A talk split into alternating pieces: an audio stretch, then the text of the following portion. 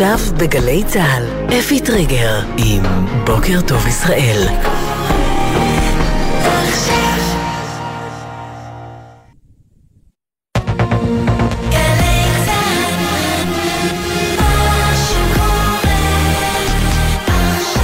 צה"ל, שש בבוקר. בוקר טוב ישראל עם אפי טריגר. שלום לכם, היום ה-12 למלחמה צה"ל מכריז רשמית לא תקפנו את בית החולים בעזה ומאשים את הג'יהאד האיסלאמי בפיצוץ שהוביל למותם של מאות פלסטינים, כך על פי משרד הבריאות הפלסטיני. דובר צה"ל, תת-אלוף דניאל הגרי, מסר לתקשורת הזרה, האירוע תוחקר באופן מקיף. Intelligence from few sources that we have in our hands indicates that the Islamic Jihad is responsible for the failed rocket launch which hit the hospital in Gaza. מקורות מודיעיניים רבים שבידינו מעידים כי הג'יהאד האיסלאמי אחראי לשיגור הכושל של רקטה שפגעה בבית החולים בעזה, אומר דובר צה"ל. ראש הממשלה בנימין נתניהו תקף הלילה, המחבלים הברברים בעזה הם אלה שתקפו את בית החולים בעזה ולא צה"ל. מי שרצח באכזריות את ילדינו, רוצח גם את ילדיו. גם נשיא המדינה יצחק הרצוג כתב באנגלית בטוויטר, בושה לתקשורת שבולעת את השקרים של חמאס והג'יהאד האיסלאמי ומשדרת עלילת דם של המאה ה-21 ברחבי הגלובוס. נשיא ארצות הברית ג'ו ביידן, העושה כעת את דרכו לישראל, הודיע כי הנחה את אה, צוותו לחקור את נסיבות הפיצוץ בבית החולים בעזה. דובר המועצה לביטחון לאומי של אה, נשיא ארצות הברית ג'ון קרבי הצהיר, נשאל את ישראל שאלות קשות. He'll be asking some tough questions. He'll be asking them as a friend, as a true friend of Israel. He'll also, of course, ask the Prime Minister and the War Cabinet what their needs are from a security assistance perspective and make it clear that we will do everything we can to meet those needs. נשאל אה, שאלות קשות, אבל אנחנו נשאל אותן כחברי אמת של ישראל, אומר קירבי. בנוסף, נשאל את ראש הממשלה וקבינט המלחמה למה הם זקוקים בנושאי ביטחון לאומי, ונפעל ככל יכולתנו להיענות לצרכים של ישראל. בתוך כך, אה, מטוסו של נשיא ארצות הברית אמור להגיע בעוד כארבע שעות. נשיא המדינה וראש הממשלה יקבלו את פניו בנמל התעופה בן גוריון, ומשם אה, ימשיכו נתניהו וביידן לפגישה בתל אביב. בעקבות אירוע הפיצוץ בבית החולים בעזה ביטלה הלילה ירדן את הפסגה המרובעת שאמורה הייתה להיערך מאוחר יותר היום ברבת עמון במעמד הנשיא ביידן, נשיא מצרים א-סיסי ויושב ראש הרשות הפלסטינית אבו מאזן. אה, אבו מאזן האשים הלילה את ישראל, תקיפת בית החולים היא פשע בלתי נסלח. جريمة لا تغتفر وبذلك تكون حكومة الاحتلال قد تخطت كل الخطوط الحمراء ولن نسمح لها بالإفلات من المحاسبة والعقاب זהו פשע שאין עליו כפרה ועל כן ממשלת הכיבוש, אומר אבו מאזן, חצתה את כל הקווים האדומים, לא ניתן לה לחמוק ממיצוי הדין והעונש. עבדאללה מלך ירדן דרש מישראל לעצור את המלחמה בעזה ואמר זהו פשע מתועב. שר החוץ של ירדן טען שוושינגטון אינה מסוגלת לקבל החלטה לשים קץ למלחמה. והפגנות והתפרעויות אה, הלילה בכמה בירות ערביות ברחבי העולם בתגובה לפיצוץ בבית החולים בעזה. חיזבאללה קרא אה, להכריז על היום, יום רביעי, כיום זעם חסר תקדים. אה, בין היתר היו הפרות סדר גם מחוץ לשגרירויות ישראל בירדן ובטורקיה. ובלבנון מאות מפגינים הסתערו אמש לעבר בניין מתחם שגרירות ארצות הברית בביירות שעות לפני הגעת ביידן לישראל. בנוסף נערכה הפגנת מחאה סמוך לשגרירות צרפת בביירות בעקבות הודעתו של הנשיא מקרון כי יבקר בקרוב בישראל. אמש, המטה לביטחון לאומי העלה את אזהרת המסע לטורקיה לרמה הגבוהה ביותר וקרא לכל הישראלים השוהים בטורקיה לצאת משם בהקדם על רקע ההחמרה באיומי הטרור כלפי ישראלים בחו"ל. למבקרים במרוקו מומלץ לנקוט באמצעי זהירות מוגברים. התחממות אה, בגבול לבנון, אה, טילים נגד טנקים נורו הלילה לעבר כוחות צה"ל סמוך לשתולה ובאזור גדר המערכת בין ישראל אה, ללבנון, צה"ל הגיב בירי ארטילרי. אמש תקפו מטוסי קרב של חיל האוויר תשתית טרור ועמדת תצפית של חיזבאללה בתגובה לאירועי הירי המרובים לעבר ישראל במרחב ביממה האחרונה, היממה שהייתה המתוחה ביותר בגבול הצפוני מאז 7 באוקטובר. במקביל נשמר הלילה שקט בדרום ובצה"ל ממשיכים להיערך לכניסה קרקעית לרצועה. אמש נורו מטחים כבדים אה, בשעות הערב לאזור המרכז, השפלה וגוש דן, כמו גם לעוטף עזה ולאשקלון. אשקלון לא ידוע על נפגעים מלבד אדם בשנות ה-20 לחייו שנפצע קשה, לאחר שנפל לי תעלה בצד כביש מספר 1 סמוך למחלף גנות, בעודו מחפש מרחב מוגן. בכיר בחמאס הודיע לרשת NBC שכל החטופים האזרחים המוחזקים בעזה יוכלו להשתחרר בתוך שעה, כדבריו, אם ישראל תפסיק לאלתר את תקיפות הטילים על הרצועה. עוד הוסיף הבכיר שלא אה, ננקב שמו, כי בתמורה לשחרור החיילים הישראלים מהשבי, חמאס דורש את שחרורם של כל האסירים הפלסטינים בבתי סוהר בישראל. לדבריו, חמאס כבר העביר את התנאים הללו לארצות הברית ולישראל. הבוקר מתחדשים רשמית הלימודים באזור המרכז, השרון, השפלה וגוש דן, במוסדות שבהם יש מרחב מוגן זמין, אליו ניתן להגיע בזמן ההתגוננות, בהתאם להנחיות פיקוד העורף המעודכנות. באותם אה, יישובים תתאפשר גם פעילות הצהרונים העומדת בתנאים. באילת, בערבה ובים המלח ניתן לקיים פעילות חינוכית ללא הגבלות. ביישובי הדרום והעוטף עדיין אסורה כלל פעילות חינוכית, יש להתעדכן בהנחיות פיקוד העורף, ברשויות המקומיות ובבתי הספר. ומזג האוויר בצפון הארץ ובמרכזה צפוי גשם מקומי ותחול ירידה קלה בטמפרטורות. בוקר טוב ישראל עם אפי טריגר. בוקר טוב ישראל, בוקר יום רביעי, 18 באוקטובר 2023, ג' במר חשוון תשפ"ד, עכשיו 6:06 ואנחנו פותחים את היום ה-12 למלחמה עם uh, האתגר הגדול ביותר שבפניו ניצבת ישראל מאז שהחלה, הטענה הפלסטינית השקרית שישראל הפציצה את בית החולים בעזה. כעבור כשעה צה"ל הגיע למסקנה חד משמעית שמדובר בשיגור כושל של רקטה על ידי, על ידי הג'יהאד האיסלאמי, אבל הנזק ההסברתי כבר נעשה. Uh, דורון קדוש, כתבנו לענייני צבא וביטחון, התחקיר הראשוני של צה"ל, מה הפרטים? נכון, שלום אפי. אז אה, בצה"ל באמת אה, ביצעו תחקיר, בהתחלה זה היה תחקיר ראשוני ואחר כך גם פרסמו את תוצאות התחקיר המקיף יותר בנוגע לתקיפת בית החולים בעזה שלא הייתה ומהצלבה של כלל המערכות, גם מערכות מקם, תצפיות, מערכות מודיעיניות, בדיקה עם כל המערכים, בצה"ל עולה בבירור לפי הודעת דובר צה"ל שצה"ל לא תקף את אותו בית חולים בעזה ומה שפגע בו זה היה שיגור כושל של הג'יהאד האיסלאמי שאנחנו מכירים את הדבר הזה, את השיגורים הכושלים, את, איכות ה, את האיכות הנמוכה של הרקטות של הג'יהאד האיסלאמי, שגם במבצעים קודמים ברצועה פגעה בתוך רצועת עזה והרגה משפחות פלסטיניות. ארגוני הטרור ברצועת עזה, כך אומרים בדובר צה"ל, יורים ללא הבחנה לעבר ישראל, מסכנים ופוגעים גם בתושבי הרצועה. מאז תחילת המלחמה שוגרו כ-450 רקטות על ידי ארגוני הטרור שנפלו בתוך שטח הרצועה. דובר צה"ל גם פרסם אה, תיעוד בנושא, תיעוד אה, ממצלמות אה, אה, אה, של זיהוי אה, שיגורים אה, אה, צה"לי, וגם התיעוד הזה פורסם כמובן לציבור, בנוסף להצהרה שדובר צה"ל מסר באנגלית, אבל צריך להגיד אפי, מהרגע שקרה האירוע ועד שדובר צה"ל פרסם את מסקנות התחקירים שלו עברו כמה שעות, ובכמה שעות האלה הטענה הפלסטינית כבר תפסה לה תאוצה, והדבר הזה התפשט גם בעולם וגם כמובן בעולם הערבי כולו, וצריך להגיד, היה אה, צריך אה, לחשוב אולי על פרסום מוקדם יותר של טענה ישראלית שלפיה חיל האוויר לא תקף כן. את בית החולים. הנזק אה, נעשה, נגיד... נראה מה יהיה ההיקף בהמשך. מה לגבי גזרת הצפון? זה היה לילה לא שקט שם, דורון.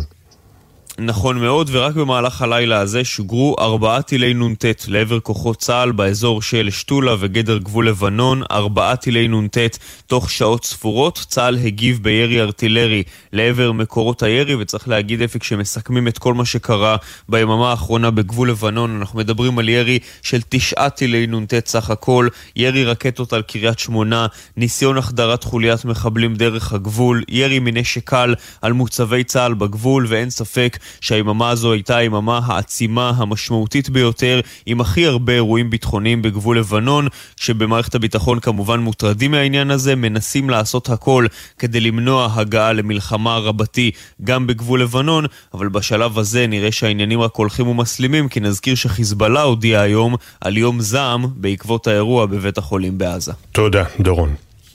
ועכשיו אלה הפרטים והטענות הפלסטיניות שכאמור קנו אחיזה גם בעולם הערבי ולא רק בו. אה, ג'קי חוגי, פרשננו לעניינים ערביים, שלום. נכון אפי, אסון כבד אמש בעזה, טיל נחת בשעה שמונה בערב על בית החולים הבפטיסטי בעיר, מאות היו אותה שעה בתוכו, להבות החלו לאחוז באגפי בית החולים וגרמו למותם של רבים מאוד. המספרים לא ידועים עדיין באופן סופי, אבל הם נעים בין 200 הרוגים במקרה הטוב ל-500 במקרה הרע. ישראל טענה לחפותה שהיא לא תקפה באותו זמן, ודאי לא בית חולים, אבל כל הגורמים במחנה הפלסטיני דחו את הגרסה הזו ומאשימים אותה בביצוע המעשה.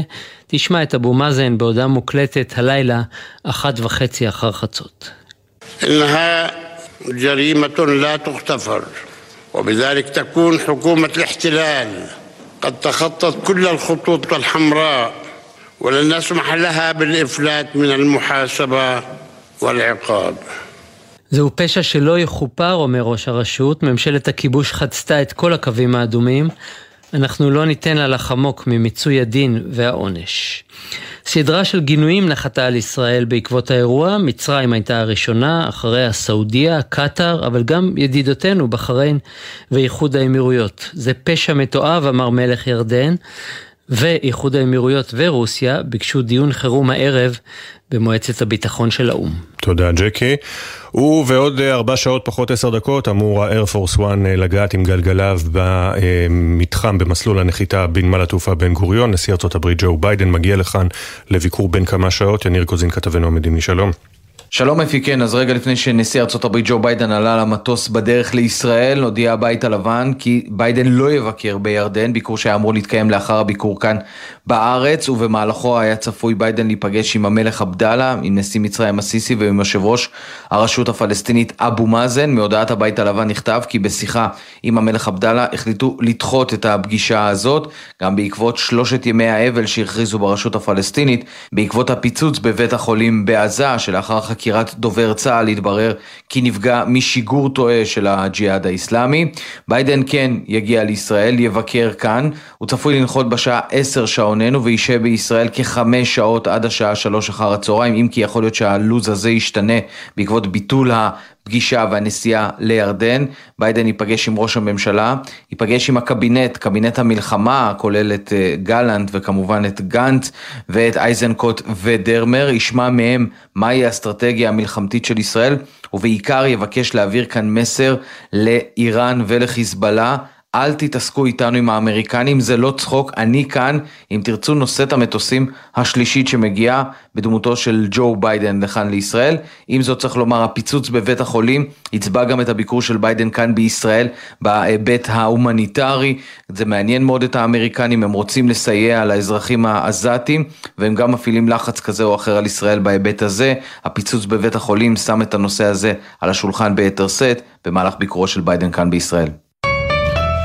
תודה יניר, 12 דקות וחצי אחרי השעה 6, אנחנו עם uh, דובר צה"ל שמתיר לפרסם עוד שני שמות של חללי צה"ל שמשפחותיהם uh, עודכנו, שני uh, שמות נוספים לרשימת השכול הארוכה, הבלתי נתפסת באורכה מתחילת המלחמה, רב סרן במילואים אורן שטרן, בן 49, מנתיב העשרה, חבר כיתת הכוננות ביישוב, ורב סמל מתקדם במילואים חגי אבני, בן 50 מבארי, חבר כיתת הכוננות ביישוב. כאמור, הודעות נמסרו למשפחותיהם, יהי זכרם ברוך.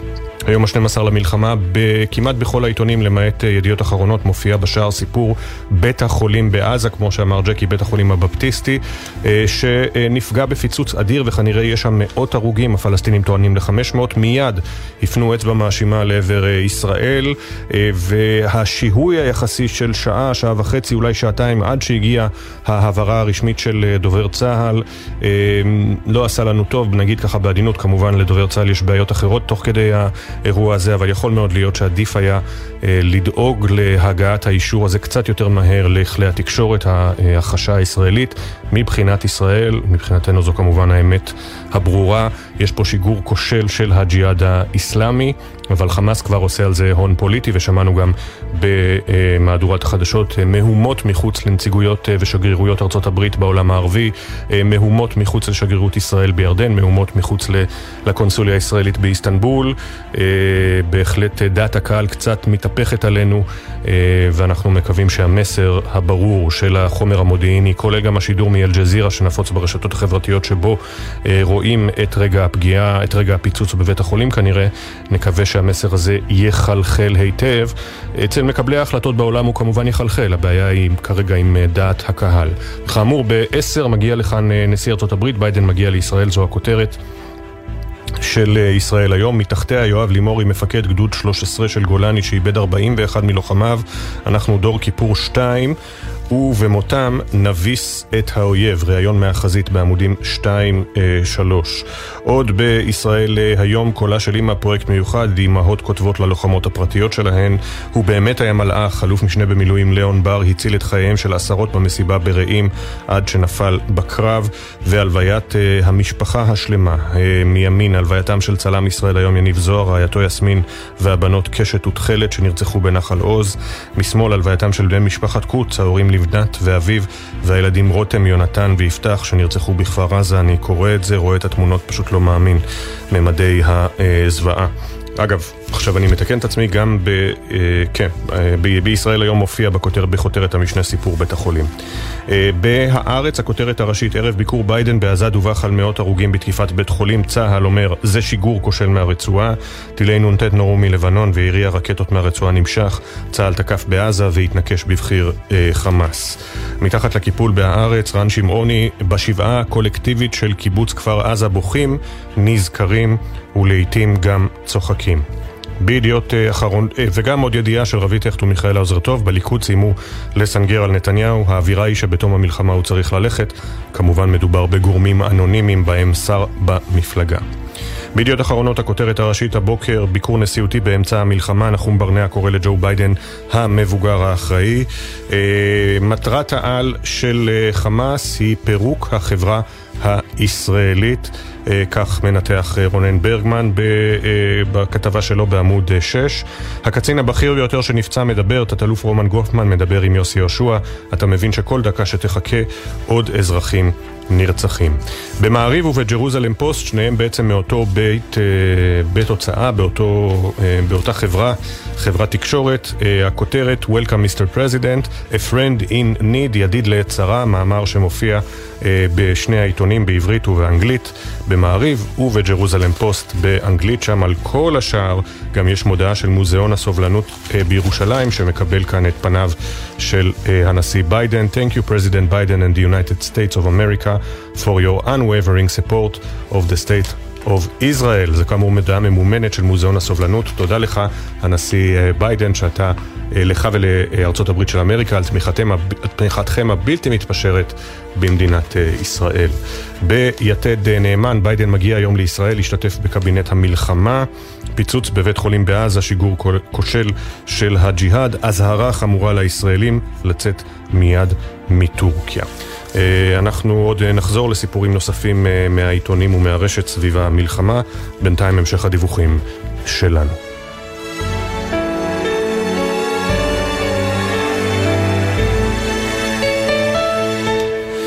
כשברקע החשש מתרחיש שומר חומות 2, עד עכשיו צריך להדגיש שכמובן החשש הזה היה רק בפיו של השר לביטחון לאומי, בפועל השקט, השטח היה שקט בערים המעורבות. עכשיו במשטרה בוחנים את הרשתות החברתיות בחברה הערבית ומנסים למנוע קריאות להסתה ותמיכה בטרור. מאות תלונות הוגשו נגד פוסטים, רשומות, פוסטים בעייתיים. מעצרים בוצעו רובם מתחת ל- לרדאר, אבל היה זה המעצר של הזמרת הפופולרית במגזר ובעולם הערבי כולו, דוקטור דלאל אבו אמנה, שאיים לטרוף את הקלפים, כתבנו בחברה הערבית אדם פראג' עם הפרטים שלום אדם. שלום אפי, נראה שמרבית החברה הערבית בארץ ממשיכה לשמור על איפוק וקולות מתונים ביחס למלחמה ובכל זאת ישנם משפיעני רשת שמנצלים את החשבונות שלהם ברשתות החברתיות המונים אלפי עוקבים ואפילו מיליונים להסברה נגד ישראל ופעולות צה"ל. הבוקר מתפתחת מחאה נגד הארכת מעצרה של הזמרת הדוקטור דלאל אבו אמני, ערבייה ישראלית תושבת נצרת, שנעצרה בחשד שהסיתה ברשומות בפייסבוק נגד נגד ישראל ואימה על ביטחון המדינה. דלאל מוכרת בעיקר בשל הנצחתה לפולקלור הפלסטיני בשיריה, המגיעים למיליוני צפיות בעולם הערבי, למשל השיר הזה.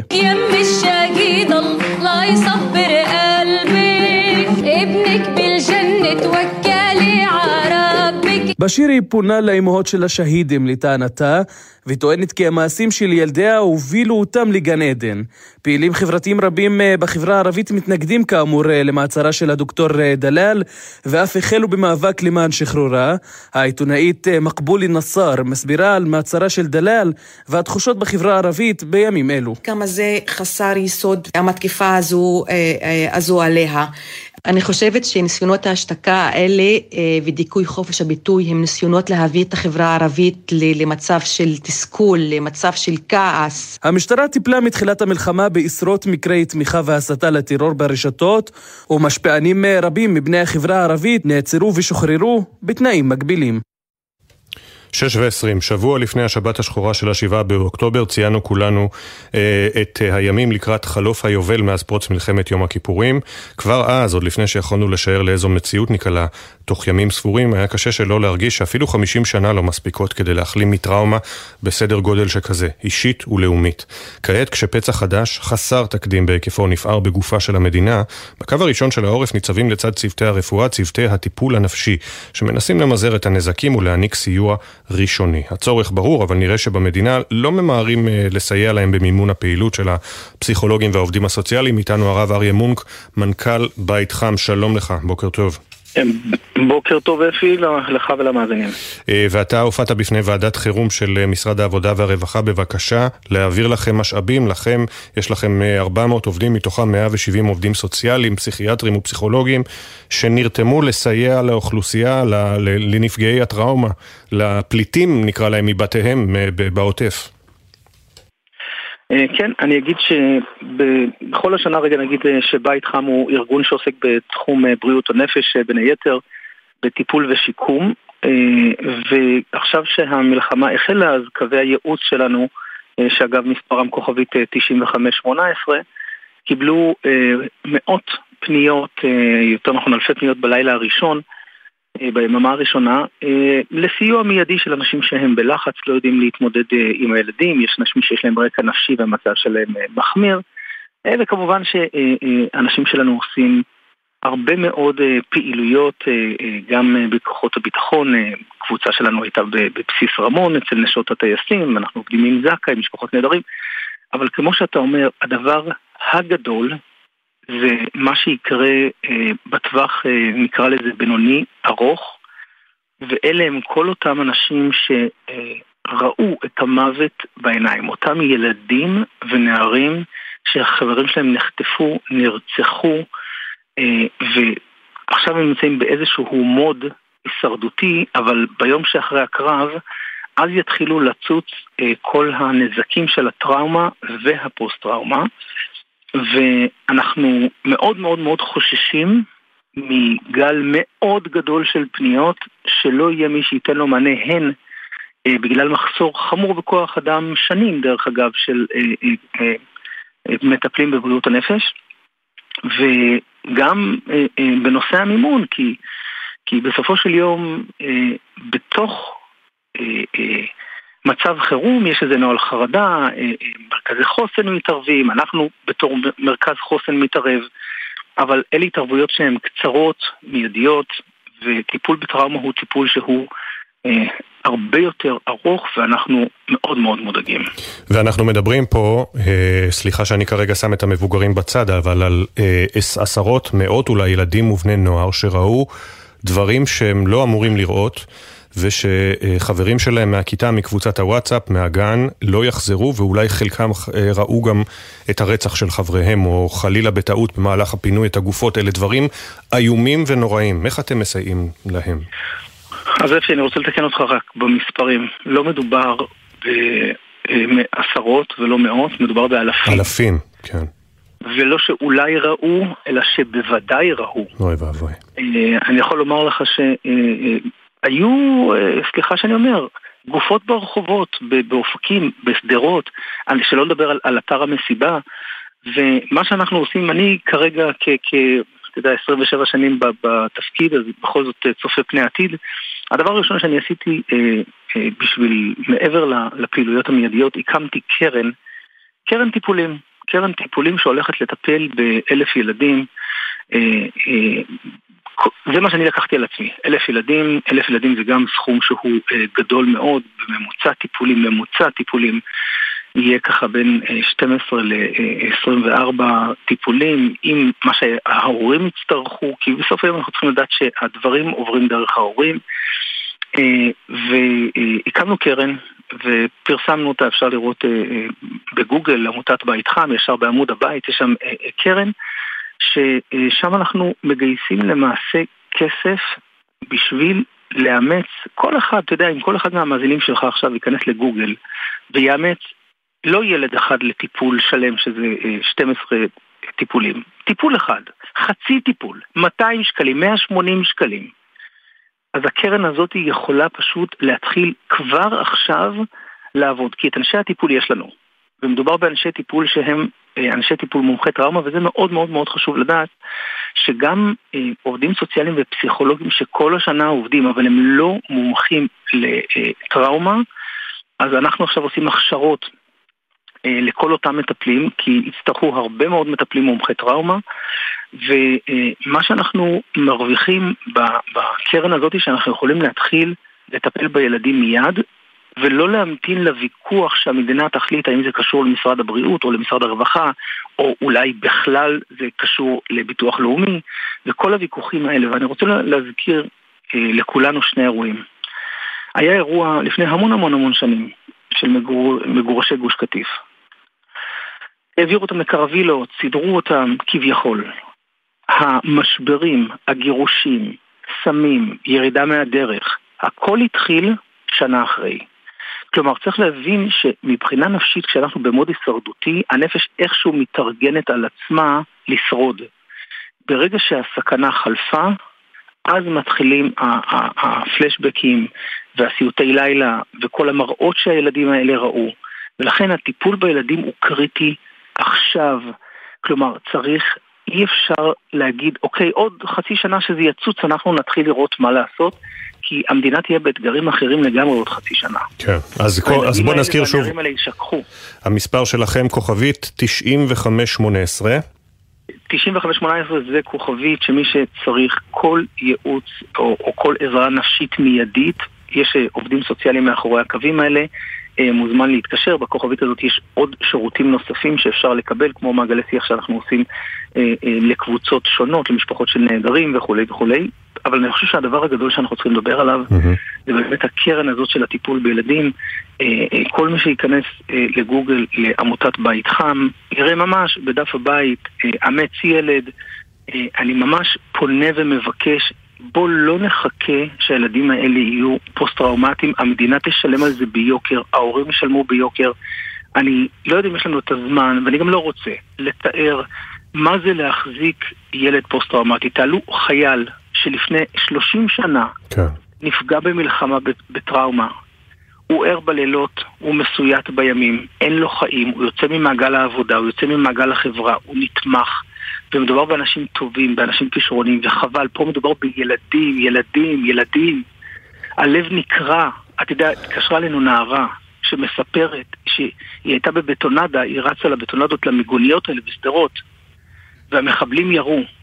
ו- והיא כבר הספיקה להיות בתוך הבטונדה, אבל חברה שלה שנתנה לה יד והיא עזבה אותה, היא ברחה יותר מהר לתוך הבטונדה, אה, נהרגה. אוי ואבוי. היא, היא, היא לא מפסיקה לבכות, היא אומרת, היא נהרגה בגללי. כן. אני לא הצלתי אותה כי עזבתי לה את היד. אנחנו חייבים להבין שהילדים האלה יחיו עם, עם תחושות של, של אשמה, שהם לא אשמים בכלל. ברור. אבל הם יחיו עם דברים כל כך קשים. בוא נגן על הילדים המסכנים עליהם עכשיו. לא, לא נחכה למערכות. בוא, לא, בדיוק, לא זה מה שחשוב להגיד. לא נחכה למערכת, אה, היא תעבוד לאט, אין מה לעשות. לא נחכה גם אה, לממשלה הנוכחית. אה, וחברים, מי שיכול, תיכנסו לעמוד בגוגל של בית חם. כדי לראות כיצד אתם יכולים לסייע כלכלית לעמותה החשובה הזו. הרב אריה מונק, מנכ"ל בית חם, תודה רבה לך, ואנא מסור גם לכל העובדים המסורים. תודה. תודה, שיניים יפים יותר, והחלמה כמובן לכל הפצועים ותנחומים למשפחות. אמן, תודה רבה לך. יום טוב. 6.29, כאמור הסיפור הגדול של הלילה מבחינת אה, העולם הוא הפיצוץ בבית החולים בעזה, שבו מאות הרוגים פלסטינים, לא ברור עדיין כמה. אה, כיוון שהתגובה הישראלית הרשמית התעכבה, כיוון שבצה"ל, מה לעשות, מבררים את הפרטים בניגוד לאויבינו המטונפים, אז הנרטיב הפלסטיני אה, השתלט על השיח בעולם, הכתבה של שחר קנוטובסקי.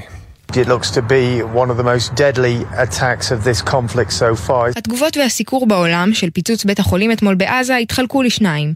אלו שחיכו לחקירת האירוע והסתייגו מלהניח מה מקור ההפגזה, ואלו שהניחו מיד שמדובר בתקיפה ישראלית. Israeli airstrike that caused a blast at that hospital more than 500 people. ראש ממשלת קנדה, ג'סטין טרודו, שהיה מהראשונים להגיב, גינה את המתקפה, אך לא הזכיר מפורשות את ישראל.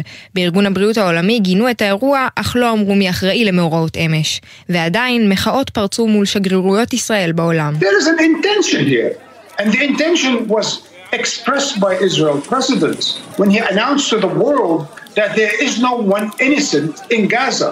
That is an incitement to genocide. יש כוונה כאן. הכוונה הוצגה בידי הנשיא הרצוג כשהוא הכריז לעולם שאין בלתי מעורבים בעזה. זוהי קריאה לרצח עם, טען מרואן בישארה, פרשן פוליטי של אל-ג'זירה. מדינות כמו ירדן, סעודיה, מצרים וטורקיה היו נחרצות וגינו את המתקפה הישראלית במפורש. בארצות הברית, שם מתכוננים לביקור ביידן היום, לא הוציאו תגובה רשמית, אך בתדרוך של דוברות הפנטגון העלו השערה. Hamas does integrate in high um, civilian populations and tries to set up command centers in places where should be used for innocent civilians to be treated, should be used for innocent civilians to seek medical care. חמאס משתלב במקומות שיש בהם מרכזי אוכלוסייה גדולים ומנסה להקים מפקדות במקומות שמיועדים לטיפול באזרחים תמימים, שבהם חפים מפשע מקבלים טיפול רפואי, אמרו שם, אך סייגו שהפרטים עוד לא ידועים. איחוד האמירויות ורוסיה כבר קראו לכנס בדחיפות את מועצת הביטחון של האו"ם בעקבות האירוע, אירוע שעלול להוריד מהתמיכה העולמית שקיבלה ישראל במלחמה. אנחנו יוצאים להפסקה של דקה, אפילו 59 שניות, ומיד חוזרים עם כל העדכונים. אתם מאזינים לגלי צה"ל. המשכנו אגרוף, אנחנו חזקים, המשכנו אצבעות, אז לשלום אנחנו שבורים.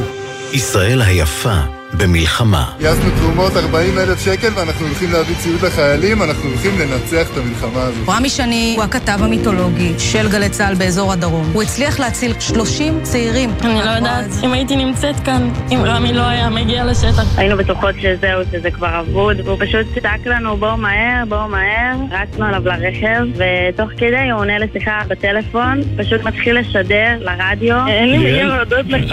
גלי צה"ל פה איתכם, בכל מקום, בכל זמן.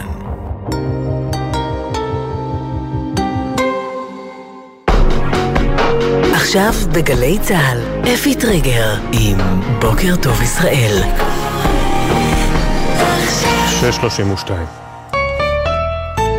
היום ה-12 למלחמה, צה"ל מכריז רשמית, לא תקפנו את בית החולים בעזה, מדובר בשיגור כושל של רקטה ארוכת טווח של הג'יהאד האסלאמי שהתפוצצה בסמוך לבית החולים, מה שהוביל למותם של מאות פלסטינים. דובר צה"ל, תת-אלוף דניאל הגרי, מסר את העדכון באנגלית לתקשורת הזרה.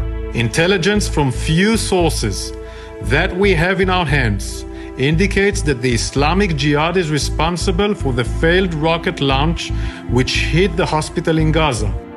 מקורות uh, מודיעיניים רבים שבידינו מעידים כי הג'יהאד האסלאמי אחראי לשיגור רקטי כושל שפגע בבית החולים בעזה, כך דובר צה"ל, ראש הממשלה בנימין נתניהו כתב, המחבלים הברברים בעזה הם אלה שתקפו את בית החולים ולא צה"ל, מי שרצח באכזריות את ילדינו רוצח גם את ילדיו. נשיא ארצות הברית ג'ו ביידן עושה כעת את דרכו לישראל, הודיע כי הנחה את צוותו לתחקר את נסיבות הפיצוץ בבית החולים בעזה. דובר המועצה לביטחון לאומי לנשיא ארצות הברית ג'ון קרבי הצהיר, נשאל את ישראל שאלות קשות. He'll be asking some tough questions. He'll be asking them as a friend, as a true friend of Israel. He'll also, of course, ask the Prime Minister and the War Cabinet what their needs are from a security assistance perspective and make it clear that we will do everything we can to meet those needs. נשאל שאלות קשות, אבל נשאל אותן כחברי אמת של ישראל, אומר קרבי ואומר, אה, נשאל גם את ראש הממשלה וקבינט המלחמה למה הם זקוקים מבחינת ביטחון, ונפעל ככל יכולתנו להיענות לצרכיה של ישראל. הותרו לפרסום שמותיהם של שני חללי צה"ל נוספים שמשפחותיהם עודכנו, רב סרן במילואים אורן שטרן, בן 49, מנתיב העשרה, חבר כיתת הכוננות ביישוב, רב סמל מתקדם במילואים חגי אבני, בן 50, מבארי, חבר כיתת הכוננות ביישוב. יהי זכרם ברוך. בעוד כשלוש שעות וחצי יגיע לארץ מטוסו של נשיא ארצות הברית ביידן. נשיא המדינה וראש הממשלה יקבלו את פניו בנמל התעופה בן גוריון, משם ימשיכו ביידן ונתניהו לפגישה בתל אביב.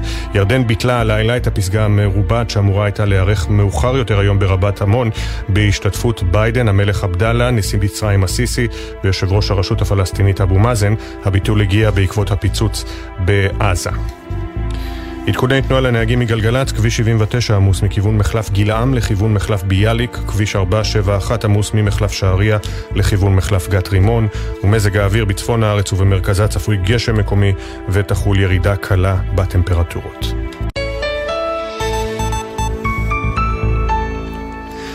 את ציר הזמן של מדינת ישראל מלווים כבר לא מעט מבצעים, מלחמות, קרבות ואסונות, ובימים הללו הם כולם מהדהדים מקיר לקיר. במלחמת לבנון השנייה היה זה בין היתר אסון כפר גלעדי שנחקק בתודעה הלאומית, לאחר ש-12 חיילי מילואים נפלו מפגיעת קטיושה בשטח כינוס. שמונה שנים לאחר מכן במבצע צוק איתן, חמישה חיילים נפלו מפגיעת פצמ"ר בשטח uh, כינוס. ראינו גם uh, פצועים בגזרת הצפון בימים האחרונים בעקבות uh, אולי אי הפנמה מהירה של המציאות החדשה שם לאחר פתיחת מבצע חרבות ברזל. אנחנו שואלים האם אה, מאז אה, האסונות הקשים נלמדו הלקחים בשטחי הכינוס ובכלל, איך אפשר למנוע מההיסטוריה לחזור על עצמה. איתנו האלוף במילואים גיא צור, לשעבר מפקד אה, זרוע היבשה, שלום לך, בוקר טוב. בוקר טוב. Uh, עוד לפני נושא השיחה שלנו, אני רוצה לשאול אותך כמי שהיה חבר בפורום מטכ"ל ובוגר כמה וכמה uh, מבצעים uh, בדרום, כאשר uh, צה"ל uh, מודיע לעולם שלא אנחנו uh, הפצצנו את בית החולים בעזה, אלא כמובן יש חומר מודיעיני, כמו שאמר דובר צה"ל, חומר מודיעיני מכמה מקורות שמעיד על כך שזה uh, פשוט שיגור כושל של הג'יהאד האיסלאמי. מדוע, אה, אנחנו יודעים מדוע העולם הערבי לא מאמין לנו, אבל מדוע העולם המערבי לא ממהר להאמין לצה"ל לדעתך? תראה, קודם כל צריך לומר למאזינים שאם צה"ל אמר את זה באופן חד משמעי, אז יש לו הוכחות חד משמעיות. כמובן. כלומר, ברגע שצה"ל אומר את זה, לי אין ספק שזה נכון. עכשיו, תראה, העולם שמכיר את אה, צה"ל ומדינת ישראל, העולם המערבי בעיקר, שמקיים קשרים עם מדינת ישראל, בוודאי מאמין ויודע שהדברים נכונים. היתר זה אינטרסים, אה, כמובן שיעדיפו להאשים את מדינת ישראל כל אלו שלא בעדה, אבל אני לא חושב שמי בקיא ומערבי ויש לו קשרים עם צה"ל, מטיל ספק במה שצה"ל אומר. כן, בעיה זה כמובן הרשתות החברתיות שפועלות ומגיבות מהר מאוד, וכשצה"ל מחכה שעה וחצי עד לבירור כל הפרטים זה כאילו נצח. כן, אבל אתה יודע, אם צה"ל לא היה מחכה ובירור הפרטים במקרה הזה הוא קריטי והיה אומר פעם אחת אמירה חד משמעית, בטוחה, והיא הייתה מתגלה כהפוכה מהמציאות אז האמינות הייתה נגמרת לתקופה ארוכה מדי. אכן. לכן במקרים האלה אין, אין לך ברירה, זה, יש מקרים רגישים. האמת בסוף תהיה, תהיה אה, ודאית לכל אה, העולם.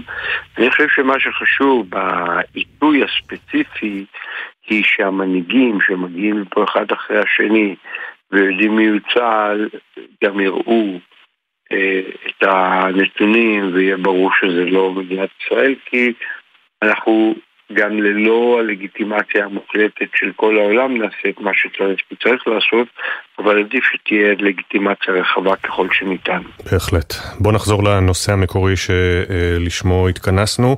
אה, לא, יצא לי בטעות התכנסנו, כן, אבל שטחי כינוס והנושא הזה של אה, כמובן הגנה על הלוחמים אה, שם. סביר להניח שכבר בגזרת הצפון צה"ל כבר הגיע לשגרה, הפנים את השגרה החדשה שבכל רגע יכול חיזבאללה לראות, רק הלילה נורו ארבעה טילי נ"ט, לא היו נפגעים בגוף. מה עושים כדי להימנע מטרגדיות כמו בעבר?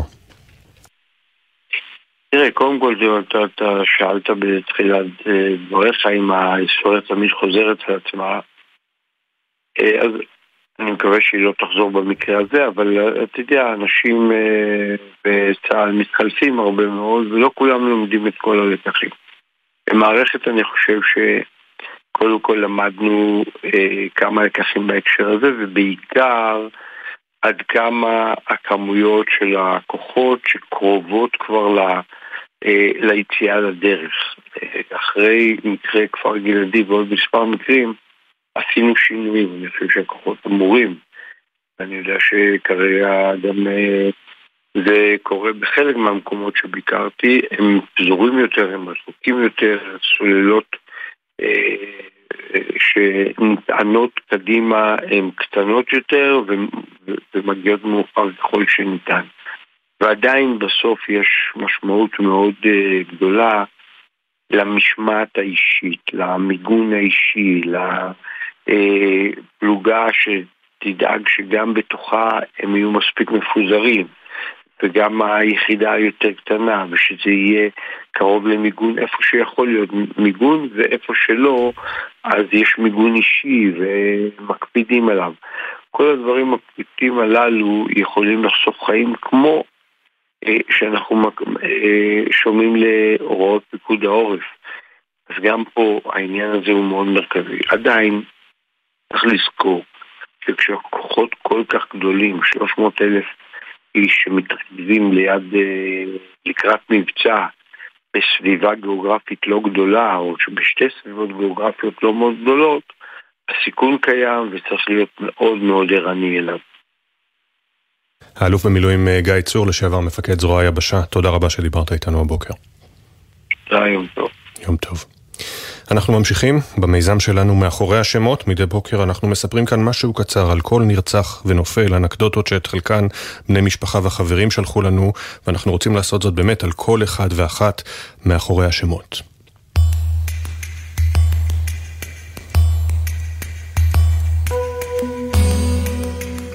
בני הזוג שלומי, מתיאס ודבי שחר טרואן נרצחו בביתם בכפר עזה.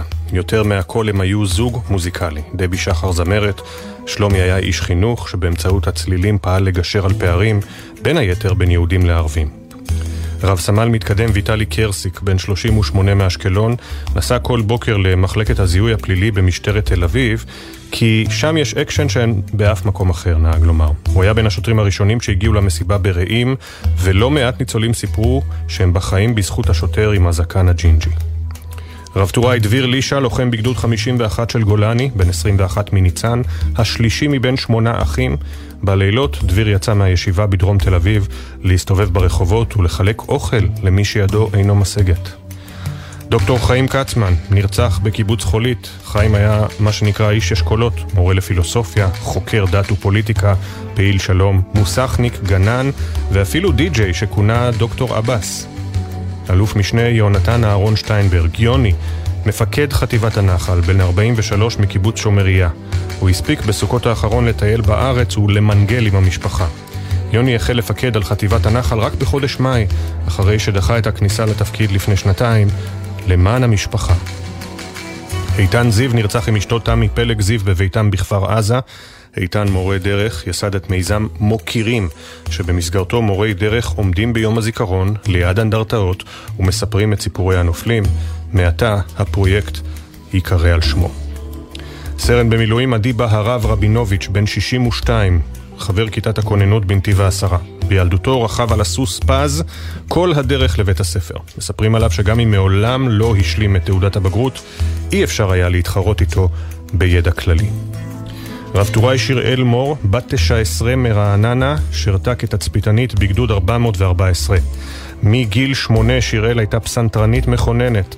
מורתה מספרת לנו שדרך מגע הקסם שלה בקלידים היא הביעה את עולמה הפנימי, הרגיש והחומל. גם כשהתגייסה, התמידה לנגן בחופשות המועטות בבית. אבי פליישר, בן 63, היה חבר כיתת הכוננות בקיבוץ מגן, איש של עבודת כפיים, גידל תרנגולות עוד כילד, היה אגרונום, ואפילו בנה לסבתא לטיפה העתק של הסוכה שהייתה לה בעיראק. סמל ראשון עדי צור, בן 20 מירושלים, לוחם בגדוד 51 בגולני. עדי אמור היה לגזור חוגר בקרוב, וכבר החל לרהט עם ענבל בת זוגו את יחידת הדיור המשותפת שאליה תכננו לעבור. ענבל תכננה לסדר בדירה פינה של משחקי מחשב, עם השלט הפינה של עדי. רב סמל מתקדם בוריס דנילוב, בן 34, נפל בקרב בבארי. בוריס קיבל את צל"ש המפכ"ל על פעילות מבצעית בשער שכם לפני שבע שנים, והיה סמל המחלקה האגדי של מג"ב חברון. מתן קידו אלמלם נרצח כשתקלט במסיבה ברעים. קידו היה ממובילי מסיבות הטראנס בארץ במשך 25 שנה, ומספרים שהיה אחד מיוזמי טרנד הבנדנות. סמל ראשון גיא שמחי, בן 20, מגדרה, לחם בסיירת צנחנים. גיא התחרותי לא ידע להפסיד. רק לפני שבועיים הוא יצא לשחק כדורעף עם חברים, חזר עם סדק ביד וסיפר שנפל.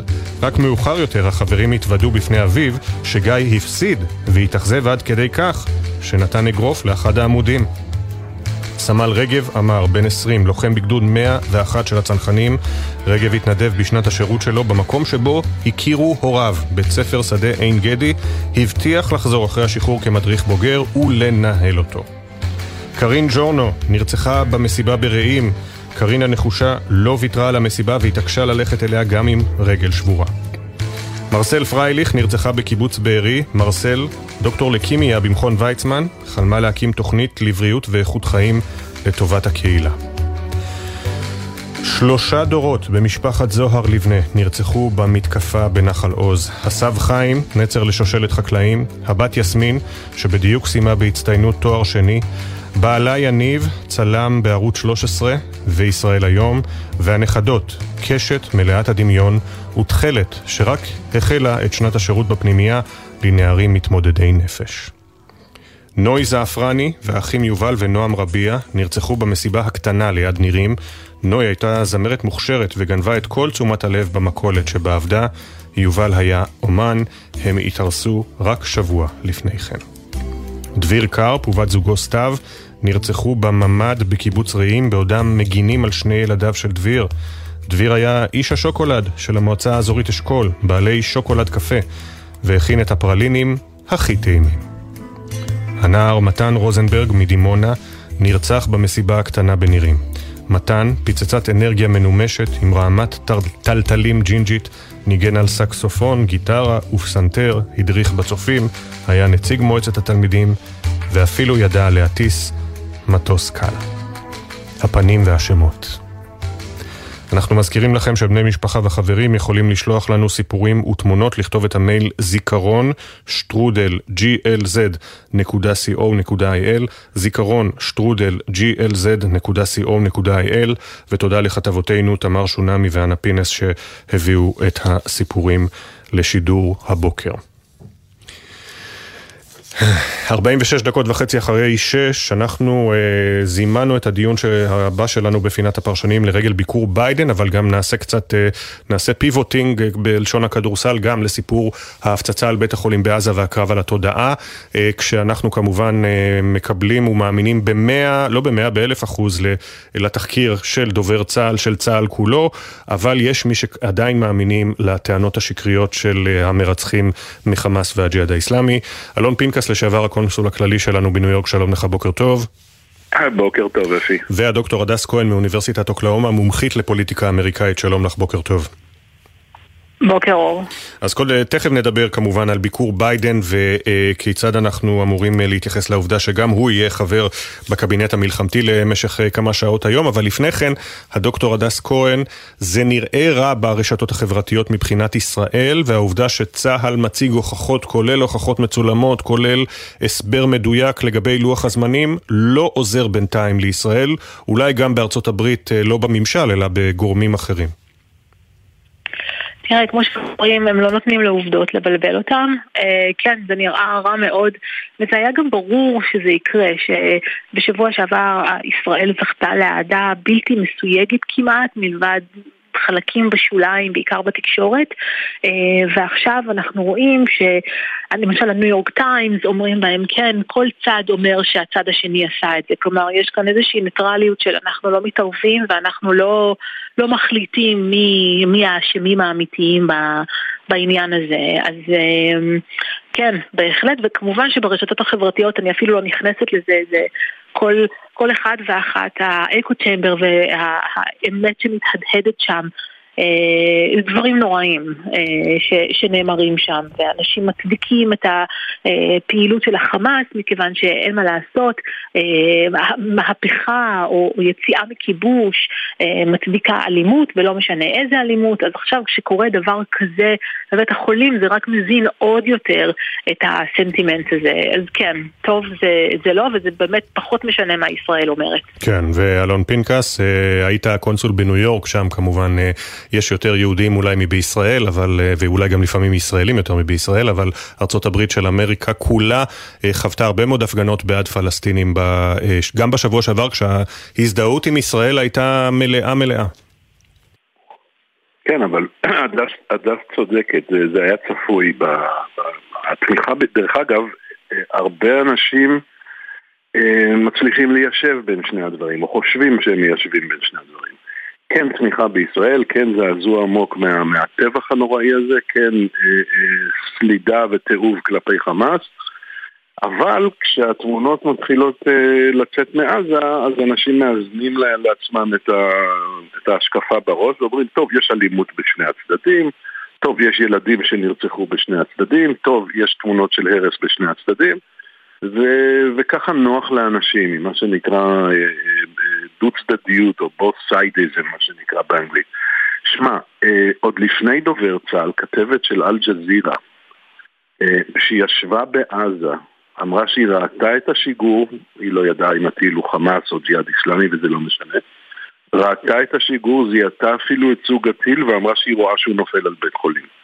אה, וגם זה לא נתן, אה, כמו שבצדק אמרה, אז גם זה לא נתן לאנשים, גם זה לא בלבל לאנשים אה, עם עובדות. תשמע, זה, זה, זה חלק, תראה, אני אגיד לך משהו אחר במשפט אחד. אמ, זה, זה, זה אכזרי מה שאני אגיד עכשיו. Mm-hmm. זה כמעט לא חשוב שזה לא אנחנו עשינו את זה.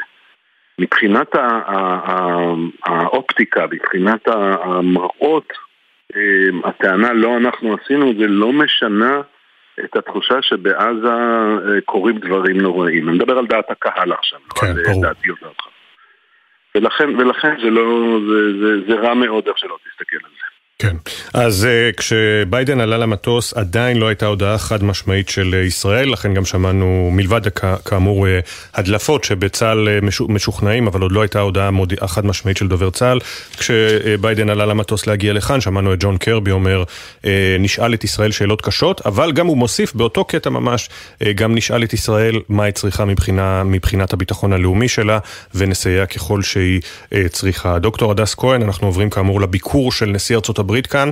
תנסי לשרטט לנו, אנחנו יודעים שג'ו ביידן אוהב ישראל, דיבר על הפגישה הראשונה שלו כסנטור צעיר עם גולדה, אבל בואי נדבר עכשיו באמת מפת האינטרסים, מדוע כל כך חשוב לו כן. להתייצב לצידנו מלבד האהדה שלו לישראל. כן, אז יש, אז יש באמת כמה, כמה רדבים, רבדים לדבר הזה. דבר ראשון, האמריקאים רוצים למנוע פה אסקלציה, בדיוק כמו שראינו עם הפיצוץ של אה, בית החולים. זה נראה רע, זה יכול לסכל להם אינטרסים יותר רחבים שיש להם במזרח, במזרח התיכון, שכוללים את הסכם השלום עם סעודיה, על מנת ליצור איזשהו ציר כלכלי שיצא מאירופה, יעבור במזרח התיכון דרך ישראל, ערב הסעודית, האמוריות, ויגיע עד להודו. הם דיברו על זה בוועידת ה-G20, וזה אינטרס, וזה גם יעזור להם להוציא כוחות מהמזרח התיכון, הם רוצים ליצור פה איזשהו נאט"ו אה, שישלוט בעניינים. עכשיו, עוד דבר שמאוד מאוד חשוב להם זה כמובן גם עניין החטופים, למרות שזה שוב, כמה זה רטוריקה וכמה זה יהיו מוכנים באמת לתת עבור זה, כמו אני מדבר כמובן על חטופים האמריקאים, אבל מה שמאוד מאוד חשוב להם זה גם לתכנן את היום שאחרי. הם לא רוצים. שישראל תסתבך בבוץ העזתי, כמו שהיא הסתבכה בבוץ הלבנוני, מכיוון שהם חוששים שמה זה יעשה למפת האינטרסים שלהם במזרח התיכון, אם ימשיכו לעמוד לצד ישראל. מצד שני, יש להם, כמו שאמרתי, את השאיפה הזאת ליצור איזשהו מסדרון כלכלי וגם ברית אינטרסים עם ערב הסעודית נגד איראן, נגד רוסיה וגם נגד סין. כלומר, המקום של ישראל הוא מאוד מאוד חשוב בתוך איזשהו מערך גלובלי חדש שהם מנסים ליצור, ושמאוד חשוב להם, ולממשל הזה ספציפית, אה, לקדם. ו... ולכן ביידן עלה על מטוס, אנחנו לא ראינו אף פעם דבר כזה. לא ראינו אף פעם נושאת מטוס, מסוקים, מטוסים שנייה שעומדת להגיע לישראל, שלא לדבר על ראשונה, ואנחנו לא רואים דבר כזה שנשיא אמריקאי באמצע קרבות בתקופה כל כך אה, מלאת סיכונים מבחינה אופטית עבורו, הנה הוא לא ידע שיתפוצץ בית החולים, אה, כמו שיקרה פיצוץ בבית החולים, עולה על מטוס ומגיע בזמן הזה לארץ. אז כמה שאכפת לו מישראל, ובאמת אכפת לו מישראל מאוד, עדיין יש פה אינטרסים וגורמים הרבה יותר עמוקים אה, שמובילים אותו לעשות את זה. אלון פנקס, אה, כדיפלומט ותיק, עד כמה זה אה, יוצא דופן ומה עומד מאחורי ההגעה של בלינקן וההשתתפות שלו בקבינט המלחמה ושמענו גם את התיאורים אתמול של הכתבים כמעט בכל הערוצים שממש אה, היו צריכים לנסח ביחד אה, עם בלינקן את ההצהרה של הקבינט ואת ההחלטה לגבי מסדרון הומניטרי בעזה ועוד היום אנחנו לפני ההשתתפות של נשיא ארצות הברית בקבינט המלחמה זה המילים חסר תקדים קטנות על האירוע הזה לא? כן, אז בוא נוסיף לזה עוד מילה, זה די מבייש. אה, שאנחנו הגענו למצב כזה... אתה חושב שהוא בייביסיטר? אני חושב שזה יותר חמור מבייביסיטר, אני חושב שיש פה חוסר אמון וחוסר ביטחון באיכות קבלת ההחלטות של ישראל. אה, מאותם טעמים שהדס מנתה, כלומר, תראה, בוא נגיד זה אחרת, לאורך שנים הייתה הגדרה אה, של מדיניות החוץ הישראלית ושל חופש הפעולה וחופש התמרון של הישראלי, נתנו לזה דוגמה גרפית, נתנו לזה המחשה גרפית של כדור מוכל בתוך כדור. כלומר, הכדור הקטן, הפנימי, הישראלי, יכול לנוע בחופשיות עד שהוא נוגע או משיק לכדור הגדול, הכדור הגדול, לדפנות הכדור הגדול, שזה האינטרסים האמריקאים. פה ישראל התקרבה עד כדי נקודת, אה, אה, נגיעה, נקודת מגע עם האינטרסים האמריקאים. עכשיו, הם לא סומכים על ישראל, הם לא סומכים על, אני מדבר על ממשלת נתניהו עכשיו. ואין לזה שום קשר וזה לא סותר וזה אפשר בקלות ליישב עם הסימפתיה הבסיסית, עם האהבה היסודית של ביידן לישראל ועם העמידה לצד ישראל. שמע, זה לא 67 וזה לא 73, אין פה איום קיומי על ישראל. אה, עם כל, עם כל ההלם והצער והתחושות הקשות של הטבח הזה. ובכל, וישראל מדינה עשירה, עם צבא חזק וטכנולוגיות מפותחות ומתפתחות ושל, ותקציב ביטחון ענק ו-3.8 מיליארד דולר לשנה. והנה ארצות הברית שולחת לפה את הג'רלד פורד נושאת מטוסים, שולחת את הדווייט אייזנהאואר, עוד נושאת מטוסים שתגיע בסביבות יום שני.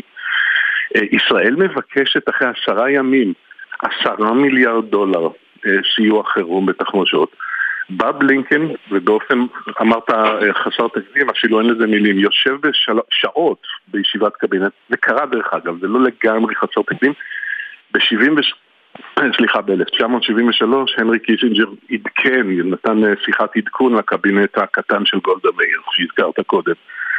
אה, סליחה, ואז מגיע הנשיא ג'ו ביידן. זה, זה, תשמע, זה מביש.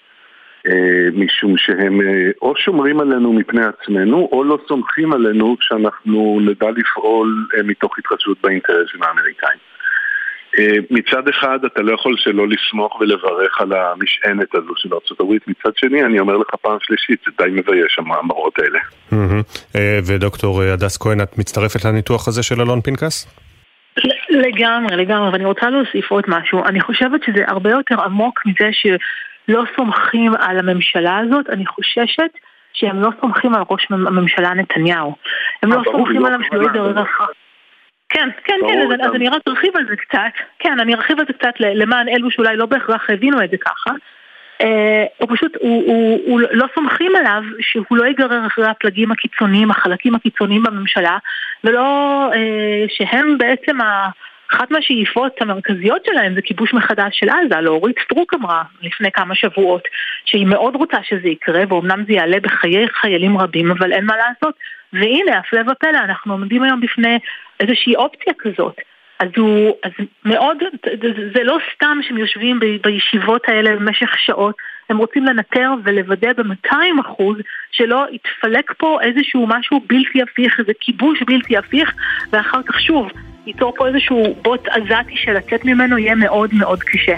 כן, רק אה, אנחנו פשוט מתקרבים לסיום, אני רק אומר שלפחות לפי אה, הדיווחים שיצאו עד היום מקבינט המלחמה, ראש הממשלה נתניהו, על פי שורה של כתבים בהם אה, מוריה אסרה וולברג וירון אברהם, בלם בעצמו תוכניות התקפיות גם בצפון, גם בדרום אולי, שתמכו בהן גם שר הביטחון, גם החברים האחרים בקבינט המלחמה. כלומר, נתניהו, לפחות בקבינט המלחמה, הוא עדיין הגורם המתון יותר מבחינת התקדמות צבאית. תודה רבה לכם. אלון אה, פנקס והדוקטור הדס אה, כהן. אנחנו יוצאים להפסקה של דקה, ואחריה השעה השנייה של אה, בוקר טוב ישראל, כאשר אנחנו נמצאים ביום ה-12 ללחימה, ואחרי שצה"ל סיפק את כל ההוכחות. כבר חוזרים. אתם מאזינים לגלי צה"ל. בהישמע אזעקה בזמן נהיגה, יש לעצור את הרכב בבטחה ולהיכנס מיד למרחב מוגן. בהיעדר מרחב מוגן סמוך, יש להתרחק ככל האפשר מהכביש, לשכב על הקרקע ולהגן על הראש בידיים. בכביש בין עירוני, ייצרו בזהירות בצד הדרך, רחוק ככל האפשר מהכביש, הדליקו אורות חירום, שכבו על הקרקע מעבר למעקה הבטיחות והגנו על הראש בידיכם. לאחר עשר דקות אפשר לחזור לרכב ולהשתלב בזהירות בתנועה. עוד פרטים באתר פיקוד העורף, באתר הרלב"ד ומשרד התחבורה.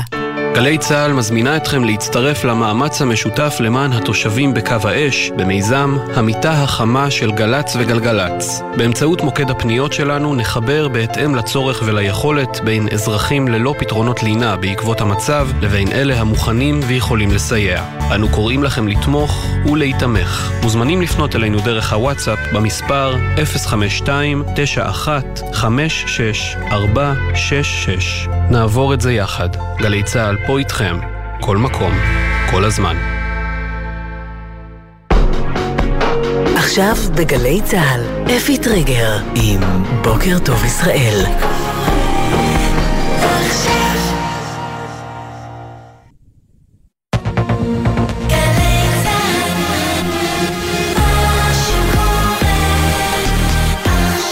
שבע בגלי צה"ל הפיצוץ בבית החולים בעזה, בצה"ל מבהירים, הג'יהאד האסלאמי אחראי לשיגור כושל שהרג מאות פלסטינים בבית החולים אל-אהלי. This is the responsibility of Islamic Jihad that killed innocents in the hospital in Gaza. כתבינו ידווחו על פרטי התחקיר הצה"לי, התגובות והתיעודים. ישראל מחכה לביידן, יש הסכמה לאומית. נשיא ארצות הברית צפוי לנחות בארץ לביקור הזדהות בין חמש שעות אה, החל מעשר. הוא ייפגש עם ראש הממשלה, הנשיא, משפחות החטופים ויצטרף לקבינט המלחמה. ביידן אמור היה להיוועד גם עם מלך ירדן, נשיא מצרים ואבו מאזן, אלא שהפסגה בוטלה בעקבות אירועי בית החולים בעזה. נהיה עם חבר הכנסת דני דנון. הילדים של חורף 23. עברתי את זה טוב, לא נפגעתי, והצלחתי להתגבר על זה. יאיר קריכלי, בן 11 מנירים, מסרב לאבד את האופטימיות ונזכר ברגעים הקשים בשבת שעברה בקיבוץ. זה טראומה לחיים, יש לי גם חברים שנפצעו. יובל מילר תביא את עדותו. כלבי מלחמה, מבצע הצלת חיות המחמד שנותרו בקיבוצי העוטף. הצלחנו לחלץ שישה כלבים, שלושה חתולים, ארנבים וגם תוכי. ענבר פייבל תביא את רגעי האיחוד בין המפונים לחיות המחמד. בוקר טוב ישראל. בוקר טוב ישראל עם אפי טריגר. שלום לכם, היום ה-12 למלחמה יוצא לדרך ובצה"ל מכריזים רשמית לא תקפנו את בית החולים בעזה. ארגון הג'יהאד האיסלאמי ביצע שיגור כושל שהוביל לפיצוץ בבית החולים ולמותם של מאות, אה, לפחות לטענת אה, משרד הבריאות הפלסטיני. ראש הממשלה בנימין נתניהו כתב הלילה, המחבלים הברברים בעזה הם אלה שתקפו את בית החולים בעזה ולא צה"ל. מי שרצח באכזריות את ילדינו רוצח גם את ילדיו. נשיא ארצות הברית ג'ו ביידן, שעושה כעת את דרכו לישראל, הנחה את צוותו לתחקר את נסיבות הפיצוץ בבית החולים. דובר המועצה לביטחון לאומי לנשיא ארצות הברית ג'ון קרבי התייחס לאירוע עם עליית הנשיא למטוס. He'll be asking some tough questions. He'll be asking them as a friend, as a true friend of Israel. He'll also, of course, ask the Prime Minister and the War Cabinet what their needs are from a security assistance perspective and make it clear that we will do everything we can to meet those needs. נשאל שאלות קשות, אבל נשאל אותן כחברי אמת של ישראל, אומר קירבי ומוסיף. נשאל גם את ראש הממשלה וקבינט המלחמה למה הם זקוקים בנושא הביטחון הלאומי, ונפעל ככל יכולתנו להיענות לצורכיהם. בעקבות הפיצוץ בבית החולים ביטלה הלילה ירדן את הפסגה המרובעת שהייתה אמורה להיערך מאוחר יותר היום ברמת עמון בהשתתפות הנשיא אה, ביידן, נשיא מצרים, אה, מלך ירדן ויושב ראש הרשות הפלסטינית אבו מאזן. זה האשים הלילה את ישראל, תקיפת בית החולים מפשע בלתי נסלח. جريمة لا تغتفر وبذلك تكون حكومة الاحتلال قد تخطت كل الخطوط الحمراء ولن نسمح لها بالإفلات من المحاسبة والعقاب. זהו פשע שאין עליו כפרה ועל כן ממשלת הכיבוש, אומר אבו מאזן, חצתה את כל הקווים האדומים, לא ניתן לה לחמוק ממיצוי הדין והעונש. עבדאללה מלך ירדן דרש מישראל לעצור את הלחימה ואמר זהו פשע מתועב. שר החוץ של ירדן טען שוושינגטון אינה מסוגלת לקבל החלטה לשים קץ למלחמה. הותרו לפרסום שמותיהם של שני חללי צה"ל, משפחותיהם עודכנו. רב סרן במילואים אורן שטרן, בן 49, מנתיב העשרה, חבר כיתת הכוננות ביישוב. רב סמל מתקדם במילואים חגי אבני, בן 50, מבארי, חבר כיתת הכוננות בקיבוץ. יהי זכרם ברוך. ההתחממות בגבול לבנון, חיזבאללה קיבל אחריות על הירי הלילה של ארבעה טילים נגד טנקים לעבר כוחות צה"ל, סמוך לשתולה ובאזור גדר המערכת בין ישראל ללבנון. צה"ל הגיב בירי ארטילרי. אמש תקפו מטוסי קרב של חיל האוויר תשתית טרור ועמדת תצפית של חיזבאללה, בתגובה לאירועי הירי המרובים מוקדם יותר לעבר ישראל, ביממה שהייתה המתוחה ביותר בגבול הצפוני מאז 7 באוקטובר. עדכוני תנועה מגלגלצ, כביש 79 עמוס ממחלף גילעם לכיוון מחלף ביאליק, כביש מעלה אדומים ירושלים עמוס מאוד אדום, ממחלף אדומים עד מחסום עזאים. מזג האוויר בצפון ובמרכז צפוי גשם מקומי ותחול ירידה קלה בטמפרטורות. בוקר טוב ישראל עם אפי טריגר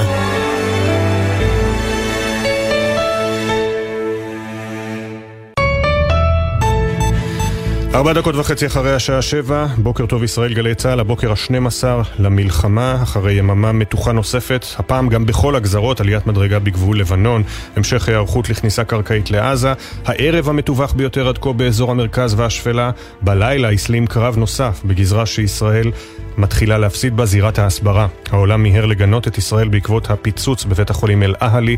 והטענות של צה"ל אה, שמגובות במידע חד משמעי כי מדובר בשיגור כושל של הג'יהאד האסלאמי לא הצליחו לחדור לדעת הקהל הבינלאומית לפי שעה. מוקדם יותר אמש שוב uh, התגנבה למרום התודעה שאלת לקיחת האחריות על המחדל עם התייחסות ראשונה של ראש אגף המודיעין האלוף אהרון חליבה והתנערות של שר התקשורת הדוקטור שלמה קרעי הנה סיכום יום הלחימה ה-11 בקולות. Intelligence from few sources that we have in our hands indicates that the Islamic Jihad is responsible for the failed rocket launch which hit the hospital in Gaza. אם חיזבאללה עושה את הטעות הזו ותוקף, השמדה, השמדה, השמדה. חמאס are the new Nazis. Hamas is ISIS, in some instances worse than ISIS. And just as the world united to defeat the Nazis, the world has to stand united behind Israel to defeat Hamas. ראש אגף המודיעין, האלוף אהרון חליבה, פרסם איגרת בה לקח אחריות על מתקפת הפתע של חמאס, ראשיתה של המלחמה בכישלון מודיעיני. אגף המודיעין בפיקודי כשל במתן התראה למתקפת הטרור. אני נושא באחריות המלאה לכישלון, ככה אלוף חליבה. שומע את השאלה הזאת. תתנצלו, תקחו אחריות, תקבלו, תבקשו סליחה. על מה? מה הטעם לומר אמירות כאלו עכשיו בזמן המלחמה? הגיע הרגע שבו כולם יעסקו בו, ראשי הממשלה לשעבר והנוכחי, ראשי המדינה לגווניהם, ראשי השב"כ, ראשי הצבא, שרי ביטחון, ראשי אמ"ן, אין ספור אנשים, ודאי יצטרכו לעשות חשבון נפש.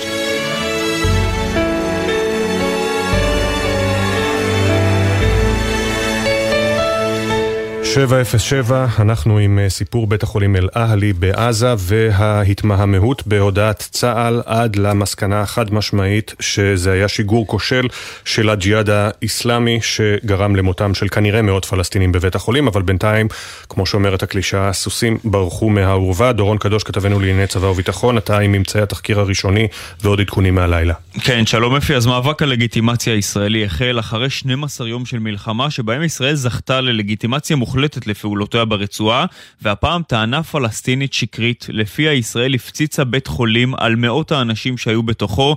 הטענה הזו והתמונות מבית החולים כמובן תפסו תאוצה במהירות, וישראל נדרשה לתגובה מהירה וחדה.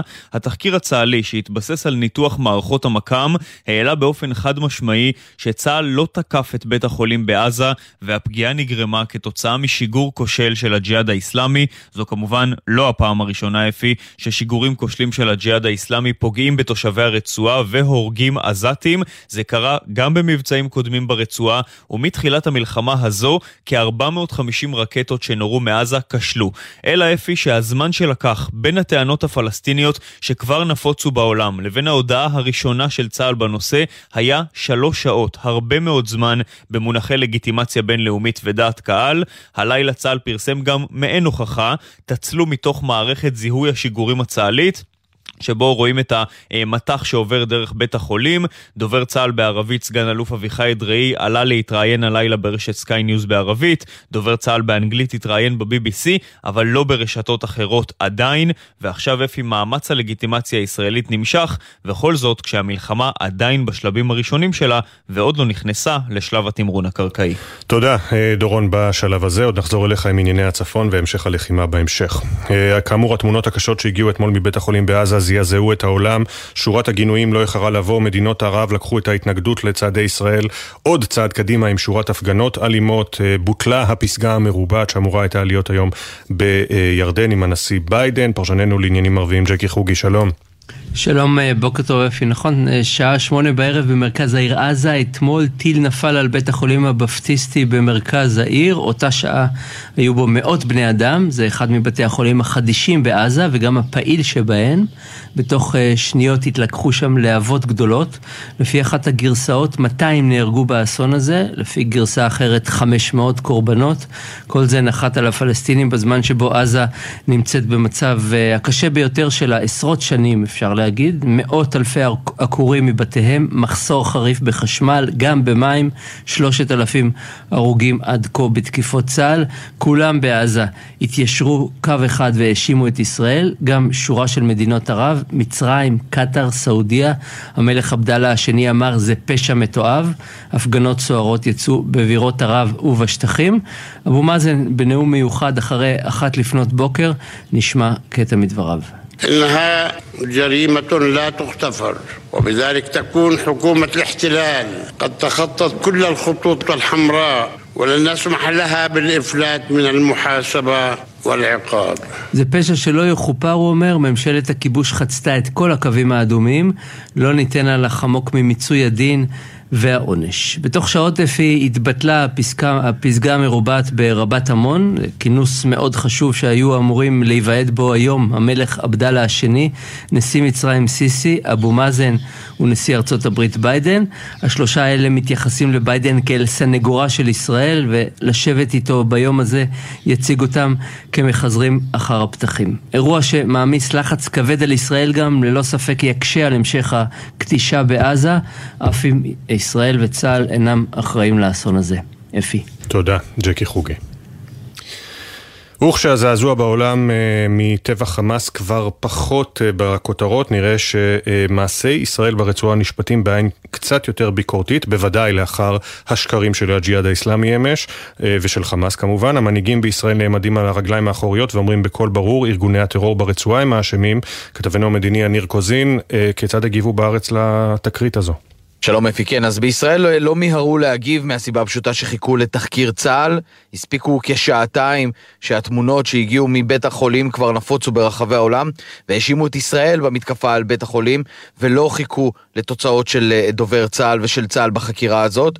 לאחר שזה הגיע, ראש הממשלה נתניהו צייץ, גם ראש האופוזיציה לפיד היה הראשון לצייץ שמדובר בפגיעה כתוצאה משיגור כושל של הג'יהאד האיסלאמי. נתניהו כתב שכל העולם ידע, המחבלים הברברים בעזה הם אלה שתקפו את בית החולים בעזה ולא צה"ל, מי שרצח באכזריות את ילדינו, רוצח גם את ילדיו. באותה נימה גם כתב יאיר לפיד, גם נשיא המדינה צייץ באנגלית ואמר, הג'יהאד האיסלאמי הוא זה שהרג, הוא הרג גם פלסטינים כפי שהרג ישראלים, וגם הפנה אצבע מאשימה לתקשורת העולמית ואמר, תתביישו לכם שאתם בולעים את עלילות הדם של חמאס והג'יהאד האיסלאמי ומפיצים אותה גם במאה ה-21. בינתיים בקרב הזה צריך לומר, אפי, נראה שישראל לא מצליחה להתמודד עם גל ההאשמות כלפיה. הלילה מזכ"ל האו"ם אנטוניו גוטרש מאשים את ישראל, הוא אומר, אני מזועזע ממאות ההרוגים בתקיפה בבית החולים בעזה אתמול. המתקפה של חמאס ב-7 באוקטובר לא יכולה להצדיק עונש קולקטיבי לבני אדם, כלומר, בכל זאת מאשים את ישראל. גם מדינות שונות גינו את זה, בין אם זה איחוד האמירויות וירדן, כולם מפנים אצבע מאשימה לישראל. היום בביקור של ביידן יכול להיות שהעניין הזה ישתנה. וזה בדיוק אה, מעיב על אה, השעות הללו שלפני הביקור. בעוד כשלוש שעות, Force One מגיע לנתב"ג, מה על הפרק יניר? כן, אפי, אז בעוד פחות משלוש שעות זה יקרה ביקור חסר תקדים של נשיא ארצות הברית בישראל במהלך מלחמה, מלחמה קשה מאוד. בשעה עשר ינחת ג'ו ביידן בנמל התעופה בן גוריון. ראש הממשלה נתניהו ונשיא המדינה יצחק הרצוג יקבלו את פניו.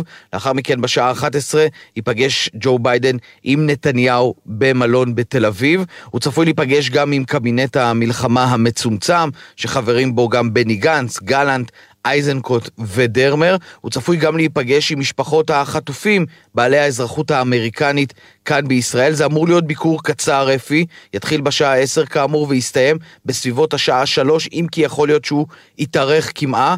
רגע לפני שינחת בארץ אמר דובר הבית הלבן ג'ון קירבי לכתבים שנמצאים על ה-Air Force One, כי לביידן יהיו גם שאלות קשות כלפי ישראל על אופן אה, ניהול המלחמה ובעיקר על האסטרטגיה שלה, כיצד היא תתקדם במהלך המלחמה הזאת. כלומר, ג'ו ביידן מגיע לכאן לישראל כדי להעביר מסר ברור לאויבים שלנו, אל תנסו את ארצות הברית. הנושאות המטוסים כאן הם לא קישוט, הן נמצאות כאן כדי להגיב, וזה כמובן מסר לאיראן ולחיזבאללה, ומן הצד השני, גם כלפי ישראל אנחנו רוצים להבין בדיוק לאן פניכם מועדות, וכיצד אתם נמנעים מפגיעה באזרחים. אנחנו גם מקווים שהנשיא יקבל את עמדת דובר צה"ל וצה"ל בעניין הפגיעה בבית החולים ויאמר זאת באופן פומבי. זה יכול להטות, כפי שאמרנו, במשהו את דעת הקהל בנושא הפגיעה בבית החולים בעזה.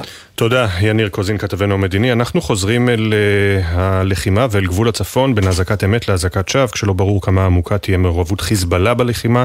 תושבי גבול הצפון לא מצליחים לשמר שגרה, גם שגרת החירום uh, מאוד כאוטית. חוזרים אליך כתבנו הצבאי דורון קדוש עם היממה המתוחה ביותר מאז 7 באוקטובר בגזרת הצפון. כן, אפי, זו הייתה ללא ספק היממה החמורה ביותר בגבול לבנון, ונתחיל מאירועי הלילה. ארבע, ארבעה טילי נ"ט שוגרו לעבר כוחות צה"ל במרחב של שתולה וגדר הגבול עם לבנון. צה"ל הגיב בירי ארטילרי לעבר מקור הירי. והאירועים האלה הלילה מגיעים אחרי יממה שבה לא עברו כמה שעות בלי תקרית ביטחונית כלשהי בגבול. נמנה את התקריות השונות. חמישה טילי נ"ט במוקדים שונים, כלומר סך הכל ביממה האחרונה תשעה. ירי רקטות על קריית שמונה, ניסיון החדרת חוליית מחבלים ממטען שנועד לפוצץ את הגדר, שיגור כטב"ם לשמי ישראל, ירי מנשק קל על מוצבי צה"ל בגבול, כזו עצימות עדיין לא ראינו מתחילת המלחמה, למעשה מאז מלחמת לבנון השנייה. ומה שמעיד על העיסוק הישראלי ההולך וגובר בזירה הצפונית הוא הביקור של הרמטכ"ל הרצי הלוי אתמול בפיקוד הצפון. הוא פגש שם את אלוף הפיקוד אורי גורדין ואת יתר המפקדים בגזרה. בואו נשמע את הדברים שאמר להם הרמטכ"ל. זה ממש מלחמה על הבית, על האזרחים, על הריבונות שלנו, על ההרתעה שלנו, על הקיום קדימה. ולכן עושים הכל. אנחנו צריכים להגיע לזה שבכל מפגש יהיה ניצחון. אם חיזבאללה עושה את הטעות הזו ותוקף, השמדה, השמדה, השמדה. כן, אפי, אז אלה הדברים של הרמטכ"ל הלוי. בישראל כמובן לא מעוניינים להגיע לשם. הזירה שבה רוצים להתמקד היא זירת עזה. יש תמרון קרקעי שצריך להתאמן ולהתכונן לקראתו ברצועה וגם להתמקד בו, ולכן כרגע אנחנו גם רואים שהתגובות הישראליות אל מול אותן פעולות של חיזבאללה הן תגובות יחסית מדודות. פעולה נגד תשתיות צבאיות של חיזבאללה שנמצאות על הגבול ועמדות תצפית, אבל חיזבאללה מצידו הודיע שהיום, עם ביקורו של הנשיא ביידן וגם אחרי האירוע בבית החולים בעזה, הוא מתכוון לבצע את מה שהוא יום זעם, אז עוד נראה לאן תלך היממה הקרובה בגבול לבנון, שעשויה אולי להיות אפילו חמורה יותר מיום האתמול. תודה שוב דורון. תודה. אנחנו נשארים בצפון עם עיר שזוכרת היטב איך נשמעות שריקות הקטיושות, כן, פעם קראו לזה קטיושות, כתבתנו הדס שטייף הצפינה לקריית שמונה. קריית שמונה, גבול הצפון, חוזר לתחושות ולקולות של 2006, מלחמת לבנון השנייה. רבים מהתושבים בקריית שמונה עזבו, בדיוק כפי שעשו תושבי עוטף עזה.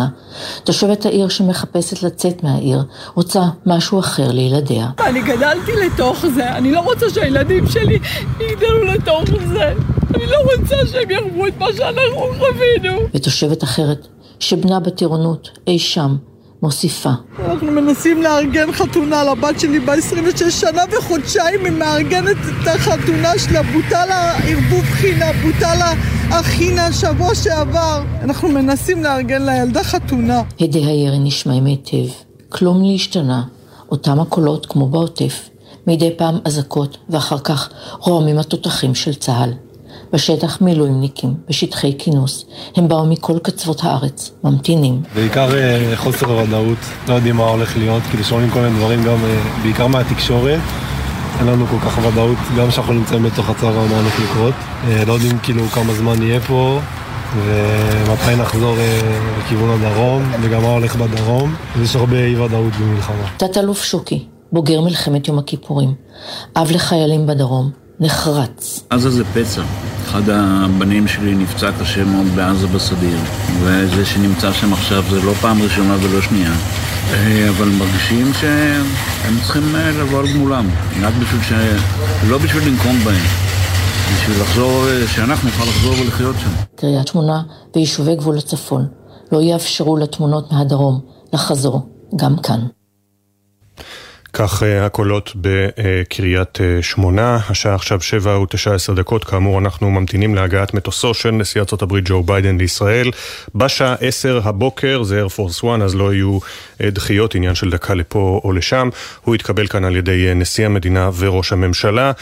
כשהקונצנזוס העולמי שממנו נהנתה ישראל, נהנתה במרכאות כמובן בעקבות מעשי הטבח הנוראיים של חמאס ב-7 באוקטובר, הקונצנזוס הזה קצת נסדק. רק הלילה בשל אה, עלילות אה, השווא של חמאס והג'יהאד האיסלאמי שקנו להן אה, אחיזה. ברשתות החברתיות זה אולי לא מפתיע, אבל גם בקרב הרבה מאוד ממשלות בעולם, והעובדה שההכחשה הישראלית הרשמית שהגיעה אחרי בדיקה מעמיקה כדי לא לטעות בשום דבר, אה, הגיע כאמור באיחור, כשלוש שעות לאחר תחילת הדיווחים הראשונים בנושא אה, הזה. אה, אנחנו כאמור עוקבים אחרי הדיווחים הללו, וגם נעדכן אתכם שבינתיים ביישובי הדרום אנחנו אחרי אה, עוד אה, לילה שקט אה, יחסית, יחסית. גם הבוקר הותרו לפרסום שמותיהם של שני נופלים, שדובר צה"ל עדכן את משפחותיהם, רב סרן במילואים אורן שטרן, בן 49 מנתיב העשרה, חבר כיתת הכוננות ביישוב, ורב סמל מתקדם במילואים חגי אבני, בן 50 מבארי, חבר כיתת הכוננות בבארי, יהי זכרם ברוך. אה, משפחות רבות, כידוע, עדיין לא יודעות מה עלה בגורל יקיריהן, אלה שנחטפו, אה, אלה שבשבי, אלה שמוגדרים נעדרים. מצטרף אלינו אייל אשל, אביה של רוני, תצפיתנית, בת 19, שנעדרת מאז שבת בבוקר, 7 באוקטובר. שלום אייל אשל. שלום אפי, בוקר טוב. 12 אה, יום אחרי, ואתם בתוך גיהנום שכרגע... 12 לא... יום אחרי. כן, גיהנום שלא מראה סימני סיום. אה, ספר לנו אנחנו, על... אנחנו בגיהנום, אנחנו בגיהנום. אנחנו הגיהנום, אם מישהו רוצה לבוא לראות איך נראה גיהנום בבית של משפחה באמת רגילה, באמת רגילה. בצור יצחק, אנחנו גרים, ומי שרוצה לבוא לראות איך נראה גיהנום, שיבוא אלינו. ולמה נראה גיהנום? כי אנחנו נדחקנו לאיזושהי פינה. נדחקנו לאיזושהי פינה בתודעה, במודעות שאף אחד לא בא לפה, אף אחד לא משתף. אתה יודע מה אפי? אף אחד לא משתף. אף אחד לא אומר מילה. ו- וכולם מתעסקים בכל הקטע של הביקורים וכל הקטע של ה- אה, החוויה הנוראית שכולנו עוברים אבל רגע, תעצרו, יש פה ילדה, יש פה ילדה בת 19 זאת הילדה שלי זאת הילדה שלי אם אף אחד לא הבין את הקטע הזה. זאת הילדה שלי שצה"ל בסופו של דבר שלח אותה. צה"ל והמדינה גייסו אותה. ומאיזשהו אה, מקום שלנו, אני מרגיש את החובה המוסרית הזאת לנהל את המלחמה, ואני לבד במערכה הזאת. כמו שהיא הייתה באותה שבת ככל הנראה לבד במערכה הזאת, כי כולם אה, נטשו, וכולם הלכו, וכולם עזבו, וצה"ל יצא שבת. אפי, לצערנו הרב, זה נהפך לסלוגן השחור שלנו. צה"ל יצא שבת. תרתי משמע. על הצד הכי נורא שיכול להיות. ואני לבד במערכה הזאת. ואני מנהל את כל מה שאני יכול בצורה אישית שלי, דרך חברים שעוטפים אותנו, ודרך... ודרך החמ"ל הקטן שאני הקמתי פה בבית. ספר ואני... לנו על החמ"ל, אייל. כשאתה אומר אני לבד, ת, תן לנו את הפרטים. אפי, אני, אני ראיתי ששום דבר לא מתקדם. כבר, אני כבר קלטתי שמשהו לא טוב כבר במוצאי שבת שעבר. ואז הבנתי שכל האירוע הולך ומידרדר מדקה לדקה. ולמעשה אני כבר הבנתי את האירוע הזה כשראינו, התחלנו לראות את הטנדרים שמסתובבים כמו בדיזנגוף באופקים ושדרות ואז התחילו להגיע גם הסרטונים ואני מבין שמשהו לא טוב קורה פה והדקות עוברות והשעות עוברות ואנחנו מגיעים למוצאי שבת שעבר ושום דבר לא קורה. ואז אני מתחיל לכנס את עצמי יחד עם גיסי וגיסי השני ועוד שני חברים ממערכות הביטחון והכל, אתה יודע, פתאום מתכנס לפינה בשולחן העגול אצלי בבית ואני אומר, חבר'ה, רגע, משהו, משהו לא טוב קורה פה. אז אני כבר משיג את הטלפון של המג"ד והוא לא עונה לי ואני מתחיל להתכתב איתו והוא לא עונה לי והוא לא עונה לי, ואנחנו עוברים ליום ראשון, ואני כבר מתחיל לאסוף מידעים. בסוף בסוף, גם, אה, גם אני לא מצליח להבין מה קורה פה. תגיד, אני רוצה לשאול אותך, ש... אני אשאל אותך שאלה, נו... שאלה נוראית, אני מתנצל מראש. היה איזשהו שלב שבו אתה... תשאל הכל, תשאל הכל, זה בסדר, אני, אני כבר שם. אני כבר נדחקתי כן. לפינה הזאת, שאני כבר מדבר על הכל, אין לי בעיה. היה איזשהו שלב שאתה אומר לעצמך, בבקשה שאני אראה אותה בסרטון uh, של חמאס מעזה? אני, אני אומר לך בצורה הכי גלויה והכי הכי פתוחה, אני גם עכשיו איתך כאן בשיחה, אני מתפלל לראות אותה באיזש, באיזשהו סרטון. אני מתפלל לראות אותה באיזש, באיזשהו פרם בתמונה. אני לא רוצה סרטון. ואנחנו עובדים עם אנשים יקרים, יקרים, שיושבים במשרדי הפקה ושולחים לנו פרמים של כל הסרטונים המזוויעים האלה שכל מדינת ישראל יושבת ורואה. ואנחנו עדים לסרטונים האלה, וזה לא מעניין אותי הסרטונים האלה, באמת, לא מעניין אותי.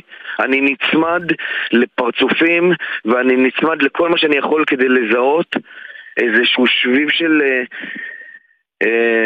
חתיכה מהפנים כדי להבין בעצם מה קורה פה. כי אף אחד לא אומר לי, אף אחד אחר לא אומר לי מה קורה פה. ופתאום אני שומע על מפגשים שראש הממשלה שלנו מארגן עם משפחות, ואני לא שותף, אני לא יודע כי אף אחד לא אומר, כי אף אחד לא משתף. ופתאום אני שומע שגל הירש עומד ומצהיר שהוא, יסב... שהוא אה, נפגש עם משפחות הנעדרים והחטופים. אז רגע, מה קורה פה? לא דיברו איתכם? אף אחד לא דיבר איתכם מהגורמים הרשמיים עד עכשיו? אף אחד לא דיבר איתנו מהגורמים הרשמיים עד עכשיו, אני חוזר על המשפט שאתה אמרת הרגע. אני חוזר על המשפט שאתה אמרת הרגע, והבת שלי שמה, הבת שלי, הבכורה שלי, ילדה בת 19 שנמצאת שמה, ואף אחד לא יודע להגיד לי שום דבר? לאן הגענו? כולם מתעסקים בביקורים של, אה, של כל הגוורדיה שאמורה להגיע? כולם מתעסקים בשיירות של המטוסים, כולם מתעסקים בלעמוד ולראות את uh, קאנצלר גרמניה, עם כל הכבוד, סליחה. איפה, ה... יש פה ילדות, יש פה ילדות שצה"ל גייס אותן. אייל. והן ילדות בנות 19. הן ילדות בנות 19. נכון, יש גם ילדים, ונכון, יש אישה מבוגרת בת 80, ונכון, יש עוד חבר'ה שנחטפו. אבל רגע, שנייה, אל תתעסקו בכל הצהוב. היחידים ש... באמת, אפי, נשבע לך. היחידים שעוטפים אותנו זה מערכות התקשורת. Mm-hmm. באשר הן מערכות התקשורת. הם היחידים שעוטפים אותנו. הם רודפים אחרינו לכל פינה. אני נשבע לך, אפי, הם היחידים, כלומר אתם. ההתעניינות, הדאגה, הטלפונים, ה-SMS, הוואטסאפים, הם היחידים שעוטפים אותנו. אז בסדר, נכון, זה התפקיד שלהם, זה התפקיד שלכם. ו- ו- ומזה, ומזה בסוף גם אתם ניזונים וגם אני ניזון. ואנחנו כמובן רוצים להביא... אנחנו רוצים ואנחנו מביאים עכשיו את הצעקה שלך ואני מבטיח לך שאנחנו אחרי השידור לא עוזבים את זה, אנחנו ניצור קשר עם אה, המטה של גל הירש וגם עם ארגונים אזרחיים שעד עכשיו תפקדו הרבה יותר טוב מהממשלה, כדי שידברו איתך. בוא אני אסדר לך את ה... בוא אני אסדר לך גם את העניין הזה של המטה של גל הירש. אז אני אה, מדי פעם... אה, כשאני מתקשר, כן? Mm-hmm. או כשמישהו אחר מתקשר, אהלן, עדיין לא הספקנו, אנחנו נגיע גם אליכם. עזוב, השיחה היא כל כך יבשה, היא כל כך לא רלוונטית. אין, אין לי מילים. אה, הגיהנום, בתחילת השיחה אמרתי לך, הגיהנום, אז הגיהנום זה אצלי בבית. כן. הגיהנום זה אצלי בבית, אפי. אני הייתי בנחל עוז. אני נסעתי לנחל עוז כי אני נשברתי, כי אני אמרתי אני חייב לנסוע לשם, לראות מה קורה שם. אני נסעתי לשם. אז אספתי דברים של אה, רוני. ו- ולקחתי את המדבקה מהארונית בחדר של רוני. אבל אני עשיתי את זה בכוחות עצמי. לא אני הייתי שמח אם מישהו היה יוזם והיה אומר, בוא, בוא ניסע. יש שם אוצרות, אפי, יש שם אוצרות.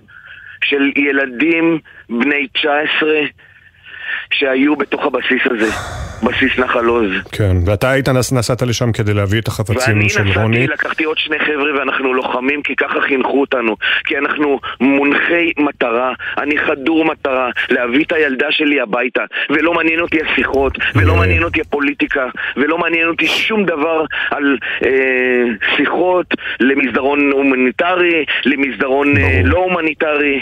אפי, אנחנו לא שם כרגע. ברור, אין שאלה בכלל, ואייל, אני מבטיח לך שאנחנו נעשה מה שאנחנו יכולים. אה, כדי לסייע לך ולמשפחה. אתה יודע, זה יום 12. זה כן. יום 12, אנחנו נדחקים לאיזושהי פינה. אני... ולאה... אני לא יודע אפילו, אני שולח לך חיבוק מפה, אני לא יודע עוד מה להגיד, אייל. אני מתנצל, אנחנו פשוט חייבים לסיים. אני אמסור עכשיו את הטלפון האישי שלי. יש הרבה מאוד אנשים אה, בצמרת אה, שמאזינים לנו מדי בוקר, הרבה מאוד אנשים טובים, אני מבטיח לך שייצרו איתי קשר ואנחנו נפנה אותם אליך. בבקשה. רק כל... מילה אחרונה, אני כן. מבטיח. מילה אחרונה. באותו ערב שהיינו במפגש אה, בבית הנשיא, mm-hmm. לאה גולדין היקרה, רכנה לכיוון היושבים במעגל שעשינו. ואמרה, ואמרה, אה, הושיטה ככה את יד ימין ואמרה, חכו, חכו, אני, אני כבר תשע שנים שם. חכו אתם רק בהתחלה. אלוהים שישמור, ואני לא רוצה להאמין במשפט הזה בכלל. גם אנחנו לא רוצים להאמין, למרות שהיא חווה באמת את הגיהנום הזה תשע שנים. אני, אני איתה, אני אוהב אותה, אני יודע, כמובן, כמובן, היא אישה אצילה, אנחנו מכירים גם אותה. אייל, אני אה, חייב לסיים, אני מתנצל. אה, אנחנו עושים הכל כדי... שיהיה לכולנו בהצלחה. אמן, ונקווה שיבואו ימים טובים יותר. תודה רבה, אפי. תודה. אנחנו לא יכולים להישאר אדישים, אני לא יכול להישאר אדיש לדברים האלה מדם ליבו של יעל אשל. בבקשה, מי ששומע אותי, אתם יודעים אל מי אני מדבר, 05, זה הטלפון שלי, 054-240-4329, תפנו אליי כדי שאחבר אתכם לאייל אשל, שבתו רוני, תצפיתנית מבסיס נחל עוז, נעדרת מאז יום שבת. זה הטלפון שלי, אני אחבר אתכם לאייל. 054-240-4329. בבקשה, עכשיו, חברים, הוא בגיהנום, אתם שומעים.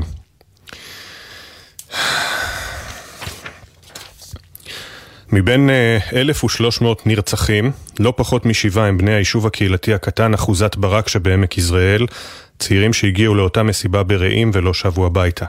כתבנו קובי מנדל פגש את המשפחות ואת בני היישוב, ושוחח איתם על ההתמודדות עם האובדן הקשה מנשוא. עכשיו להכין את הרשימה של כל האנשים למחר בבוקר, הקטע של הלוויה, עשרה אנשים האלה, בסדר? Okay. אוקיי. לא לשכוח את זה. זהו החמ"ל שהוקם ביישוב הקהילתי אחוזת ברק שבעמק יזרעאל מיד כשנודע על האירוע הנוראי בעוטף עזה. שישה צירים וכן תושב המקום כבן חמישים, אב לארבעה. בסך הכל שבעה, כולם נרצחו במסיבה במסיבת הדמים. וביישוב שבו כולם מכירים את כולם, לקבל את השמות זה היה קשה הרבה יותר. רפי משה, יושב ראש ועד אחוזת ברק, מכיר כל אחד ואחד מהנרצחים, בהם נועה חיאל בת ה-27 ואחיה גידי בן ה-24. אחים בדם ובנפש, חברים מאוד מאוד טובים. ראיה לכך השהייה שלהם ביחד באותה מסיבה, בכלל, כל השבעה, ילדים נפלאים. אה, דין בר היה כאן ספר ביישוב, כולם הכירו אותו, כולם העריכו אותו. היה מספר אה, קשישים אה, בהתנדבות בבית אבות. שוהם, בן דודו, חייל בצה"ל, בגולני, איתן שניר, רק סיים שחרור, נסע עם חברים קצת ליהנות, שי שלו, אבא למופת, בן חמישים, גל שלו, ילד מדהים, מלא עוצמה, מלא חיוך, תמיד חברים סביבו, פשוט כאב גדול. בבית משפחת שניר נותרו בני המשפחה עם הזיכרונות מאיתן שניר, שהיה בסך הכל בן 21 חייל משוחרר זה כמה חודשים.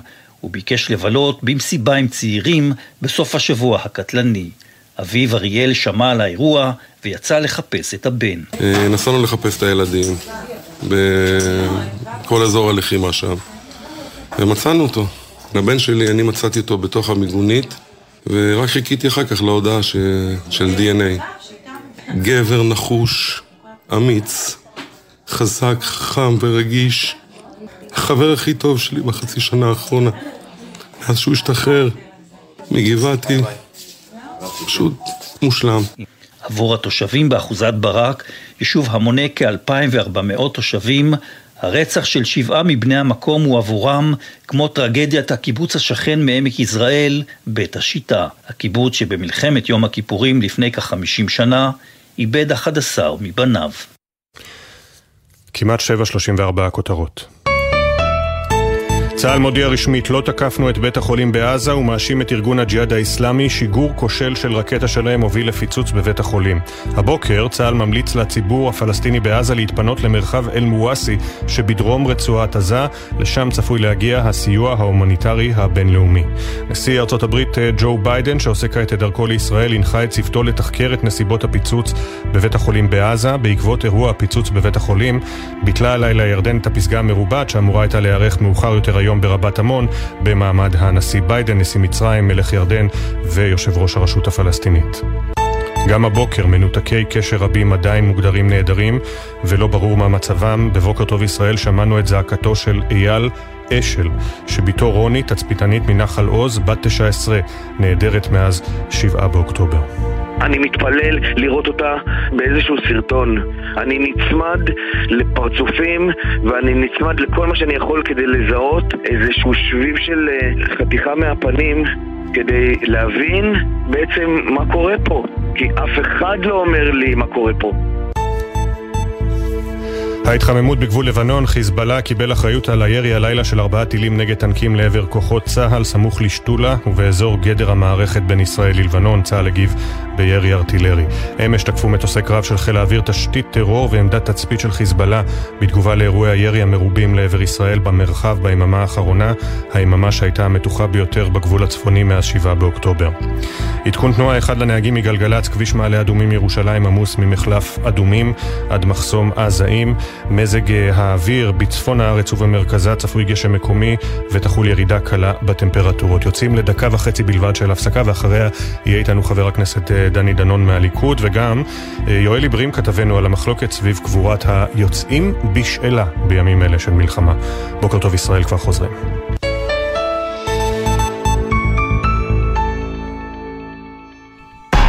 אתם מאזינים לגלי צה"ל. האם המעסיק יכול להוציא אותי לחל"ת? יש זכויות לבני משפחה של נפגעים? הכנסות העסק נפגעו. אני זכאי למשהו? בימים אלו של קושי ואי-ודאות, אתר כל זכות ריכז למענכם במקום אחד את כל זכויותיכם בכל תחומי החיים. חפשו ברשת כל זכות, אתר הזכויות של ישראל. מגישים משרד ראש הממשלה, משרד המשפטים ומערך הדיגיטל הלאומי. יחד ננצח. שלום, כאן פרופסור אייל פרוכטר, פסיכיאטר. כולנו עוברים ימים קשים במיוחד, הורים לילדים. הרבה מהיכולת של הילדים להתמודד עם המציאות תלויה בכם. אנחנו ההורים מעבירים את המצב לילדים. ככל שנהיה רגועים בעצמנו ונשדר ביטחון, כך הילדים יקבלו ביטחון. אתם צריכים תמיכה? במוקדי הסיוע יש אנשים טובים שמחכים להקשיב ולעזור לכם. אלה ימים קשים. נעבור אותם יחד. מידע באתר משרד הבריאות גם הלב צריך כיפת ברזל. מרגישים לחץ או חרדה? אנחנו פה 24 שעות ביממה. חייגו 1-800-363-363. נט"ל, חוזרים לחיים. חיילת, בזמן שאת שומרת על כולנו, יש מי ששומרים עלייך. את חווה מצוקה או קושי וזקוקה לאוזן קשבת? עמותת ער"ן כאן למענך, בכל נושא ובכל שעה, בעילום שם. כוכבית 2201, בצ'אט ובוואטסאפ, באתר ער"ן. ערן, שומרים על הנפש שלך. עכשיו בגלי צה"ל, אפי טריגר עם בוקר טוב ישראל.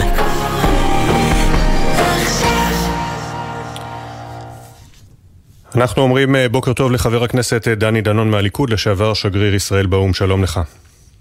שלום, בוקר טוב אפי. זה לא התקלה, אני פשוט אה, עדיין תחת הרושם, ניהלתי פה שיחה קודם לכן עם אייל אשל, אביה של אה, רוני נהדרת, נווטת נהדרת מאז שבת שעברה, בת 19 מבסיס נחל עוז, אה, והוא אומר, אף אחד לא מדבר איתנו, אני מתקשר למטה של גל הירש, כל פעם אומרים לי, עוד לא הספקנו, נדבר איתכם. 12 יום אחרי דני דנון, שוב, אני יודע שזה לא תחום האחריות שלך, אבל הגיע הזמן שהממשלה והמערכת ייקחו את עצמם בידיים. אני, אני מופתע מה, מהדיווח הזה. אני הבנתי שהמערכת התעשתה ותשובת קצין לכל משפחה ויש ליווי צמוד אה, ואם זה לא קורה אני אשמח לשוחח באופן פרטי עם, עם אותה משפחה אבל אני מסכים איתך לחלוטין שבשלב הזה אנחנו כבר מזמן היינו צריכים להיות על הרגליים אה, לתת גיבוי אה, מקצועי ועל כל המשמעויות למשפחות שנמצאות באוויר אני יצא לי לדבר עם כמה משפחות כאלו ש... שאומרות תנו לנו כל תשובה, לא אכפת לנו מה התשובה, רק רוצים לדעת תשובה. אה, לכן אני מתפלא על הדבר הזה והוא ואני אשמח לסייע במקרה הזה. אנחנו נעשה את הקישור. אה, אה, רוני היא תצפיתנית, לא כמו שאמרתי קודם, תצפיתנית בנחל עוז, והיא נהדרת מאז השבת שעברה. טוב, אה, אני אנצל עכשיו את כישוריך, כי היית בזירת הסברה מהקשות ביותר, שגרירנו באו"ם. מאז אתמול בלילה נראה שדעת הקהל, לפחות ברשתות החברתיות, התהפכה נגד ישראל. בין היתר כי מה לעשות, צה"ל בודק את העובדות לפני שהוא מפרסם הודעות חסרות אחריות, ועד שקיבל את האישור המלא שאכן לא אנחנו הפצצנו פרצנו את בית החולים בעזה, חלפו שעתיים-שלוש, אמ, ועל הרקע הזה גם מגיע לכאן היום הנשיא ביידן, אתגר לא פשוט עבורנו בשעת הלחימה הזו. בהחלט, האויב שלנו גם מנהל קרב אה, בנושא הסברה. כמו שהוא נערך אה, להפתיע אותנו, הוא גם נערך בתשתיות של אה, בוטים וטוקביסטים, והם עובדים בצורה משמעותית בנושא ההסברה ומשקרים כל הזמן. ואתמול היה לא קל, אני הייתי באולפנים של הארצות הזרות, אתמול בלילה. משעה שבע עד אה, כמעט אה, לפנות בוקר, ובשעתיים שלא ידענו מה קורה, המצב הידרדר מרגע לרגע. ראינו תגובות של מדינות שתמכות בנו, כמו קנדה, צרפת, אה, שפתאום מוציאות הודעות גינוי לישראל. אני לא מתפלא על טורקיה ומדינות ערב, שזה אוטומטי, אבל בהחלט ראינו שיש פה נסיגה. לחצתי, גם אני וגם אחרים, על המערכת להזדרז. אבל כמו שציינת, אפי, אנחנו לא רוצים להוציא הודעה ולא לעמוד מאחוריה במאה אחוז, ולוקח זמן לבדוק. חיל האוויר אתה יכול בטלפון אחד לבדוק עם אה, מי התקיף ומתי ואיפה. אבל אם אתה רוצה לסגור את כל הגזרה ואת כל הכוחות הארטילריה, זה לוקח את הזמן שלו. אה, לדעתי אולי לקח יותר מדי זמן, אה, אבל בסופו של דבר יצאה ההודעה, הסרטונים, ועכשיו לתקן יהיה קשה, אבל תראה, אנחנו במלחמה, יהיו מראות קשים. יהיו מראות קשים, יהיו רגעים קשים. כן, אבל זה, אתה יודע, מדברים אה, על מסדרון הומניטרי, עכשיו עלולים לדבר על אה, סנקציות נגד ישראל בגלל הפייק ניוז הזה. תראה, אני חושב שאנחנו אה, עכשיו כבר עם העובדות לצידנו. צריכים להילחם על כך שיצאו תיקונים. אני לא מדבר על רשידה טליב, שהיא חברת קונגרס עוינת לישראל. היא לא תתנצל בחיים, אבל מדינות רציניות באירופה ואחרות, אפילו מזכ"ל האו"ם, שעד לרגע זה דובק בעמדת הפלסטינים. אני כתבתי לו הודעה, אמרתי לו, תסתכל על הסרטונים, איך אתה מקשיב ליועצים שלך שאתה אומר שאתה דובק בעמדת הפלסטינים. אנחנו צריכים להיאבק שאנשים יחזרו בהם ההודעות האלו, והקרב הזה של ההסברה הוא קרב יומיומי שאנחנו מנהלים אותו, ונמשיך לנהל אותו. אך כעת ממש דובר צה"ל מתיר לפרסם שארבעה חיילים נפצעו קל, נפצעו קל הלילה משיגורי הנ"ט של חיזבאללה בגבול לבנון, ארבעה חיילים נפצעו קל. חיזבאללה מחמם את הגזרה, אה, והרושם, לפחות אצלנו, גם מהדיווחים הרבים, חבר הכנסת דנון, הוא ש... אה, כרגע ראש הממשלה כנראה, ואולי גם קבינט המלחמה כולו, לא מעוניינים לפתוח בחזית שנייה. אתה לא חושב שזה פוגע בהרתעה שלנו? תראה, אנחנו התמקדנו אה, בחמאס, אבל כמו שציינת, אנחנו רואים הסלמה שבימים כסדרם אה, הייתה גוררת מיד כבר תגובה משמעותית של ישראל ואולי אפילו סבב של ימי לחימה ומלחמה מול חיזבאללה. אה, כרגע בגלל הרצון שלנו לבדל את הזירות ולפעול רק בזירה מול חמאס, אנחנו מתאפקים ויש פה איזשהו פינג פונג שהוא קטלני, חיילים נהרגים, אזרחים נפצעים. אני חושב שבסופו של דבר ההתנהלות הזאת עלולה להוביל לא, למעבר לימי לחימה מול חיזבאללה. אנחנו צריכים להיות ערוכים לכך, אנחנו כן ערוכים לכך מבחינת הצבא. לא, לא יתפסו אותנו בהפתעה היום אה, בגבול הצפון, ואני ממליץ לאותם קשבי חיזבאללה אה, להבין שהסבלנות שלנו היא תהיה מאוד מאוד נמוכה. אה, במידה והם יחליטו לתקוף אותנו. דיווח אתמול, אה, אה, סליחה, שר התקשורת שלמה קרעי אמר כאן אתמול בגלי צה"ל אתמול, שואלים אותנו, צריכים לבקש להתנצל, על מה? אחרי זה הוא כמובן הוציא הודעת הבהרה והתנצל על הדברים. אתה חושב כמו הדברים הראשונים של קרעי או כמו ההתנצלות שלו? תראה, אני חושב שאנחנו כולנו מבינים את, את גודל השעה. באמת, כל עם ישראל צריך להבין זאת. אנחנו באירוע משמעותי מאוד, חייבים ללכת להכרעה מלאה. אנחנו, יש לנו לכולם אחריות על מה שקרה, והכל ייבדק. אף אחד לא יוכל להגיד, אה, אני לא הייתי, לא שמעתי, לא ראיתי. הכל חייב להיבדק לעומק, ומסקנות יוסקו בכל המישורים ובכל הרמות. אה, כרגע צריך באמת אה, להגיד, אנחנו לוקחים אחריות, אבל אנחנו כרגע מתעסקים בהכרעה, ותראה את השב"כ אתמול, בביצוע באמת, שבאמת ראינו את היכולות של שב"כ אתמול, למרות הכשל של מערכות המודיעין, אנחנו רואים שעדיין יש להן יכולות לפעול ולהכות באויב, וזה גם מה שהאויב יגלה בקרוב מאוד, את היכולות של צה"ל, את היכולות של עם ישראל. אבל אני אומר מילה על מחדל. המחדל הגדול ביותר של הממשלה יהיה אם היא תקבל החלטה על מבצע חלקי, מבצע בחלקים מסוימים ברצועת עזה. אם לא תהיה הכרעה משמעותית. אף אחד בממשלה לא יכול לבוא ולומר, לא עדכנו אותי ולא ידעתי. אנחנו יודעים מול מי אנחנו מתמודדים. ולכן כל החלטה של הממשלה שלא כוללת הכרעה מלאה של החמאס לכל אורך רצועת עזה, ופירוז הרצועה מנשק של חמאס, זה המחדל הגדול ביותר של מדינת ישראל. חבר הכנסת דני נדון, לשעבר שגרירנו באו"ם, הליכוד, תודה רבה. בוקר טוב שיהיה. תודה רבה. 744, הבוקר מתקרבת החזרה לשגרת הלימודים תחת אש. פיקוד העורף אפשר הקלות נוספות במערכת החינוך מהיום.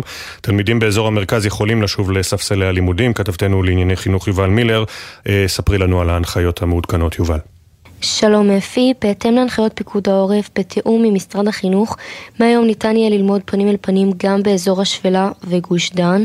צריך להגיד אפי, יש ערים באזורים הללו שכבר חידשו את הלימודים, אחרות שגם היום לא תחדשנה למרות שהן יכולות, וכמובן שיש להתעדכן דרך הרשויות ומוסדות הלימוד באם יתקיימו לימודים או לא.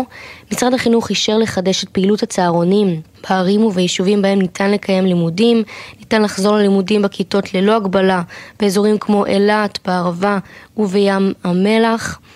בשרון, בשפלה, בירושלים ובחלק מאזורי הצפון ניתן יהיה לקיים לימודים בסביבת מרחבים מוגנים. ביישובי הדרום והעוטף לא ניתן לקיים לימודים בכיתות כלל. יש להתעדכן לפי הרשויות ובתי הספר משום שכל רשות מפעילה את מערכת החינוך באופן הדרגתי ושונה, גם אם יש היתר לקיים לימודים פנים אל פנים. אתמול הייתה זו ירושלים שפתחה את שעריה לתלמידים. חזרה לשגרה במוסדות החינוך הכריזו בעירייה. בפועל, ברוב שערי בתי הספר והגנים בעיר לא נכנסו ילדים עם ילקוטים על הגב, והכיתות נותרו ריקות. הוד בראל, כתבנו, עבר בין המוסדות השונים ושוחח עם ההורים שבחרו לשלוח את ילדיהם וגם עם אלה שלא. רק 50% מהילדים הגיעו לגן, כן. אנשים מעדיפים להישאר עם הילדים בבית. גם הבוקר שערי בתי הספר בירושלים ובאזורים נוספים בשפלה ובמרכז הארץ ייפתחו, אלא שמאז ההכרזה על חזרה לשגרה במוסדות, טבלת הנוכחות לא מלאה במיוחד. אתמול הסתיים לו יומו הראשון של החזרה ללימודים בבירה מאז תחילת המלחמה. אורטל דרמון משכונת פסגת זאב שבמזרח ירושלים ואימא לשני ילדים ביסודי, מספרת על החשש שמנע ממנה לשלוח את ילדיה. כרגע בבתי הספר יש בדרך כלל מאבטח אחד על 300 פלוס ילדים ואנשי צוות. לפחות המינימום זה שהעירייה תדאג לאבטחה. אורטל והורים נוספים שרצו לשלוח את ילדיהם אך חששו, פנו לעירייה בניסיון למצוא פתרונות אבטחה, אך לדבריה הם נתקלו באטימות. אחד הדברים שהכי זעזעו אותנו זה שהייתה פנייה דרך ועדי ההורים לעירייה שיאפשרו לנו להביא מאבטח בתשלום, בתשלומים של הורים או בתי ספר והייתה התנגדות, מבחינתם אפשר להביא רק אנשי אבטחה שלהם והם טוענים שאין להם אנשי אבטחה אז גם כשאנחנו רוצים למצוא פתרון ולהגן על הילדים שלנו הם בעצם לא מאפשרים. אם העירייה בחרה לקחת את האחריות של פתיחת מוסדות חינוך, המינימום זה לדאוג להגנה ולאשר תוספת אבטחה. לעומת בתי הספר, הנוכחות בגנים דווקא הייתה גדולה בהרבה. שוחחנו עם כמה מההורים של ילדי הגן שזקוקים במיוחד לשגרה בימים שכאלו. צריך גם באיזשהו מקום לחזור לשגרה, וגם תינוקות, ילדים, ארבע קירות לא טוב להם. צריכים קצת לראות עולם, ללכת, לחוות. מה גם שהגנים פה מסודרים מבחינת מרחבים אה, מוגנים, אז אה, זה נותן לנו איזושהי נחת. גם מחר אני אשלח, בהחלט. מאוד התלבטנו אם אה, לעשות את זה אה, מהסיבה שאין שמירה בגן. בסופו של דבר החלטנו שזה חשוב להמשיך בשגרה, לחזור לשגרה, אה, את ההתנהלות היומיומית שלנו, כי אנחנו מניחים שזה ייקח קצת זמן, ואין ברירה, צריך לחזור לשגרה, גם בשביל הילדים וגם בשבילנו. הבוקר נכנסנו ליום ה-12 למלחמה, ונראה שהאירוע לא צפוי להסתיים בעתיד הנראה לעין. ההורים והילדים זקוקים לשגרה, ונראה שהעירייה והמוסדות ייאלצו למצוא פתרונות במהרה. מעיריית ירושלים נמסר בתגובה מתחילת הלחימה תגברה העירייה את ציורי ניידות השיטור והאכיפה. על פי הנחיות המשטרה לא ניתן להציב נושאי נשק שלא עברו הכשרה והוסמכו על ידה. בשל המלחמה מאבטחים רבים גויסו ונוצרו פערים מסוימים שגם לו ניתן היה להשלימם בקניית שירות, הרי שבמצב הנוכחי הדבר בלתי אפשרי. העירייה פועלת להרחבת הפעילות במוסדות החינוך באמצעות הצבת מאבטחים נוספים המוכשרים לכך. המלחמה ממש לא מאחורינו, אך כבר ברור שפני הדור הזה לא ייראה כקודמו. סיפורי הגבורה רק מתחילים להיחשף. היום ניגע באומץ של הילדים שעברו את התופת. תכף תשמעו את יאיר בן ה-11, אמו לצידו כמובן מאשרת ליובל מילר שלנו לדבר איתו. יאיר לא היה עם הוריו כשהמחבלים חדרו לקיבוץ נירים. הבית, של, אה, הבית שלו, והוא כעת מבקש לספר את הסיפור שלו. הסיפור של הילדים של אה, סתיו 23. הכתבה של יובל מילר. חשבתי שהצבא יגיע עוד מעט וייקח אותנו. הוא יבוא ויציל אותנו הרבה יותר מוקדם, אבל זה לא קרה. זה יאיר מקיבוץ נירים, הוא רק בן 11, ילד צעיר, אחד מתוך שורה ארוכה של ילדי המלחמה הזאת, דור חדש שנאלץ להתבגר ברגע אחד. את הבוקר הנורא של שבת, ה-7 באוקטובר, הוא חווה דווקא רחוק מההורים, יאיר ישן אצל חברו. זה התחיל בפצצות, הייתי בטוח שזה ייגמר ממש מהר, עד שנכנס לחבל. שמענו צעקות בערבית, הם דפקו על הדלת, הם הרסו את, הב... את הבית. שמענו חלון מתפוצץ, שמענו יריות, רוב הבתים נהרסו, גנבו דברים, חטפו, הרגו. רבים מילדי הקיבוצים לא רוצים לדבר על הרגעים המפחידים הללו. האמת שגם ההורים שלהם. יאיר מספר לנו שההורים שלו גם מתקשים למצוא את המילים, אבל הוא דווקא מתעקש לספר. הם לא רוצים לדבר כל, כך על זה. אני לא הייתי איתם בזמן הזה. ראינו ממטרה מפוצצת, כל המכוניות, החלונות שלהם נשברו. ראיתי את הבית שלי בדרך, גם הוא היה הרוס. אימא שלי הייתה לבד בהתחלה בשעה. שעתיים הראשונות. היינו במועדון גם, לא אכלתי הרבה, הייתי ממש לחוץ. משפחתו של יאיר ניצלה כולה, אך ביתו נהרס. לאוצר המילים של הילד הצעיר והאמיץ הזה נוספו פתאום מילים חדשות ועצובות נורא, שמצא את עצמו לומד מהן משפחות שכולות, טראומה ואובדן. זה טראומה לחיים. יש לי גם חברים שנפצעו. נגיד יש אחת מהכיתה שלנו שאבא שלה מת.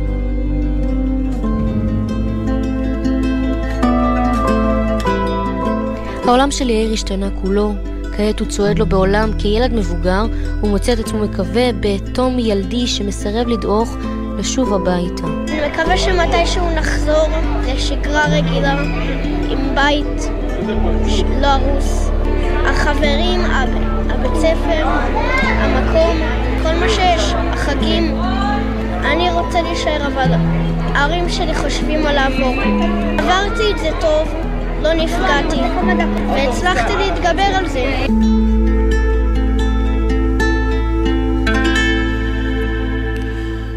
כמה מתנדבי זק"א התייצבו אתמול מול עשרות עיתונאים מהתקשורת הבינלאומית בניסיון להסביר להם ממקור ראשון על מה שהתחולל ביישובי העוטף, הכתבה של נועה ברנס.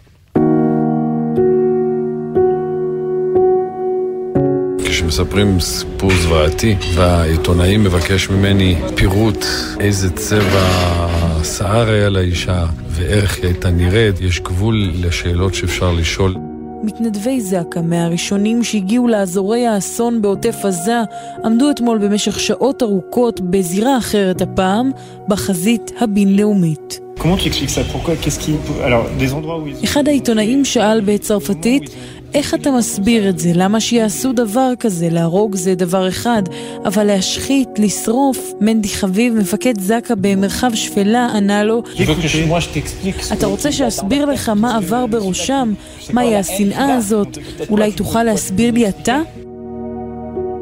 על הבמה באולם בירושלים בדמעות יוסי לנדאו, קצין מבצעים בזק"א במרחב לכיש, משחזר את המראות משבת, כשקהל של עשרות עיתונאים מהעולם מקשים שוב ושוב בשאלות, מבקשים לדעת כל פרט, ותוהים על אמינות עדותו. Whatever they did, they did it for the world. When we went in and we saw two piles of children, minors. They took them in to one place, the hands tied, they were all burned. מה שהם עשו, הם עשו לעולם כולו, אומר יוסי. כשנכנסנו ראינו שתי קבוצות של ילדים, קטינים. הם לקחו אותם למקום אחד ושרפו אותם למוות, כשידיהם קשורות. בסיום עדותו הוסיף יוסי, כשחזרתי הביתה אחרי שבוע בשטח, אשתי וילדיי לא זיהו אותי.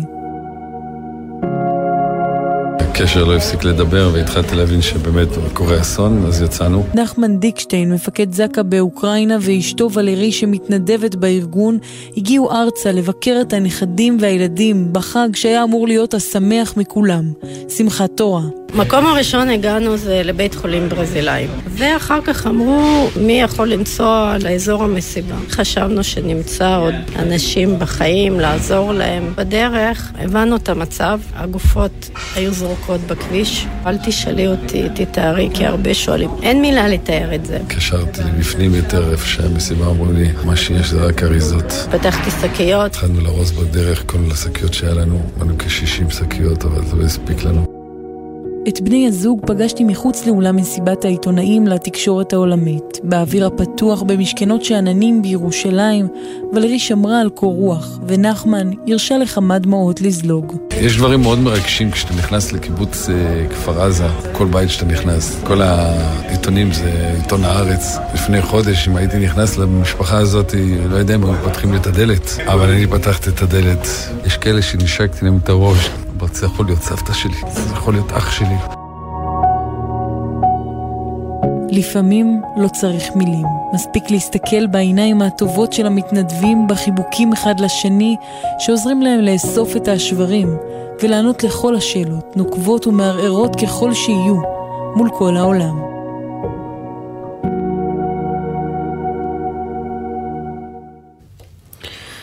מחבלי חמאס שפרצו ליישובי הדרום בשבת שעברה ניסו לרצוח את כל מי שפגשו, גם בעלי חיים שהיו בקיבוצים שעליהם הגיעו. 12 יום אחרי הטבח יש בעלי חיים ששרדו אותו, אך נותרו מאחור, ובימים שחלפו הבעלים אלה שניצלו, השתגעו מדאגה, פרסמו בכל מקום ברשת תמונה ופרטים של הכלב או הכלבה שעבדו, בתקווה שמישהו, מישהו ימצא אותם. במבצעי חילוץ תחת אש חולצו השבוע בעלי חיים, כלבים, חתולים, אפילו תוכי, שהוחזרו למשפחותיהם או הועברו לחוות הצלה, במקרה שהמשפחה לא שרדה. כתבתנו ענבר פייבל מביאה את הסיפורים. אוקיי, okay, זה שניים. יש פה איזה ארבע בפנים חמש-שש. שם יש לנו עוד אפרוחים שהוצאנו. היה עכשיו קצת פיצוצים, אנחנו שומעים קצת יריות ברקע. משפחות רבות נמלטו בשבוע שעבר מהטבח. אלה שהצליחו להינצל הותירו מאחוריהן הכל. בתים המלאים ברכוש, נופי הקיבוץ, וחלקן גם את חיות המחמד שלהן, חלק בלתי נפרד מהמשפחה. לאזורי הקרב האלה הגיעו השבוע פעילים כדי לנסות לחלץ כמה שיותר בעלי חיים שנשארו תחת האש. אחת מהן היא שייאל גלסברג מבאר שבע, שרצה מבית לבית בקיבוץ כיסופים. הצלחנו לחלץ שישה כלבים, שלושה חתולים, ארנבים וגם תוכי. איך שאת נכנסת לקיבוץ את רואה באמת איזה גן עדן זה היה. הכל הרוס עכשיו. עברנו ליד עוד בית שרוף לגמרי. ומצאנו שם אה, כלב שרוף, זה לא מצליח לנחות, זה לא מצליח לנחות. מה שכן, הצלנו ושימחנו לא מעט משפחות. אחת מבעלי החיים שניצלו היא הכלבה קוקוס, שנמצאה לאחר שבוע. שלום, אוי אוי, כן, באנו לעזור לך. זאת קוקוס, כן? זאת קוקוס. קוקוס! דניאל דמיטריינקו שהה בממ"ד עם אשתו שיר והכלבה קוקוס במשך יותר מ-13 שעות בבוקר שבת. כשכוחות צה"ל העבירו אותם לבית אחר כדי לרכז כמה משפחות, הם נאלצו להשאיר את הכלבה מאחור. נפרדים מבן משפחה, ובאותו רגע את לא נכנסת לוויכוח, את עושה מה שאומרים לך, ורגע שפינו אותנו לים המלח, מתחילים כאילו להריץ, אנחנו פה, אנחנו שלמים, אבל חסרה לנו את הילדה שלנו. זה השבוע של אה, אי ודאות, כאילו איפה היא? שמענו שהיא בדרך אלינו, כמו נפל אבן מהלב, ואז היא חזרה, היא לא הייתה רגועה. את האמת שבהתחלה היא יותר התייחסה לחמי וחמתי, אז היא הסתכלה עליי, כאילו, אוקיי, גם אתה פה, אז זה גם בסדר. חיות המשק שחולצו מהעוטף וחיות המחמד שעדיין לא הצליחו להשיב לבעליהן, שחלקם נרצחו, הועברו בימים האחרונים למקלטים ברחבי הארץ. תום קורדובה, מנהלת חוות טבע הקשר, חווה חברתית חינוכית בשיתוף עיריית רמת גן, מספרת שחלק מהחיות חוו טראומה של ממש. אנחנו ממש 24-7 אה, פה, הרבה תרנגולות, כלבים וחתולים, עזים, הגיעו גם דגים. אה, אנשים שיש להם אקווריומים בבית, ארנבונים, באמת אה, הכל מהכל. פה הן בעצם עוברות קודם כל איזושהי בדיקה רפואית, ולאחר מכן יש איזשהו תהליך של שיקום נפשי. חיות שחוששות ומפחדות, לגמרי רואים אה, סימנים של טראומה. השיקום של בעלי החיים צפוי להימשך זמן רב, וידרוש מהמשפחות לעבור איתם את תהליך ההחלמה המשותף, ולבנות יחד שוב בית.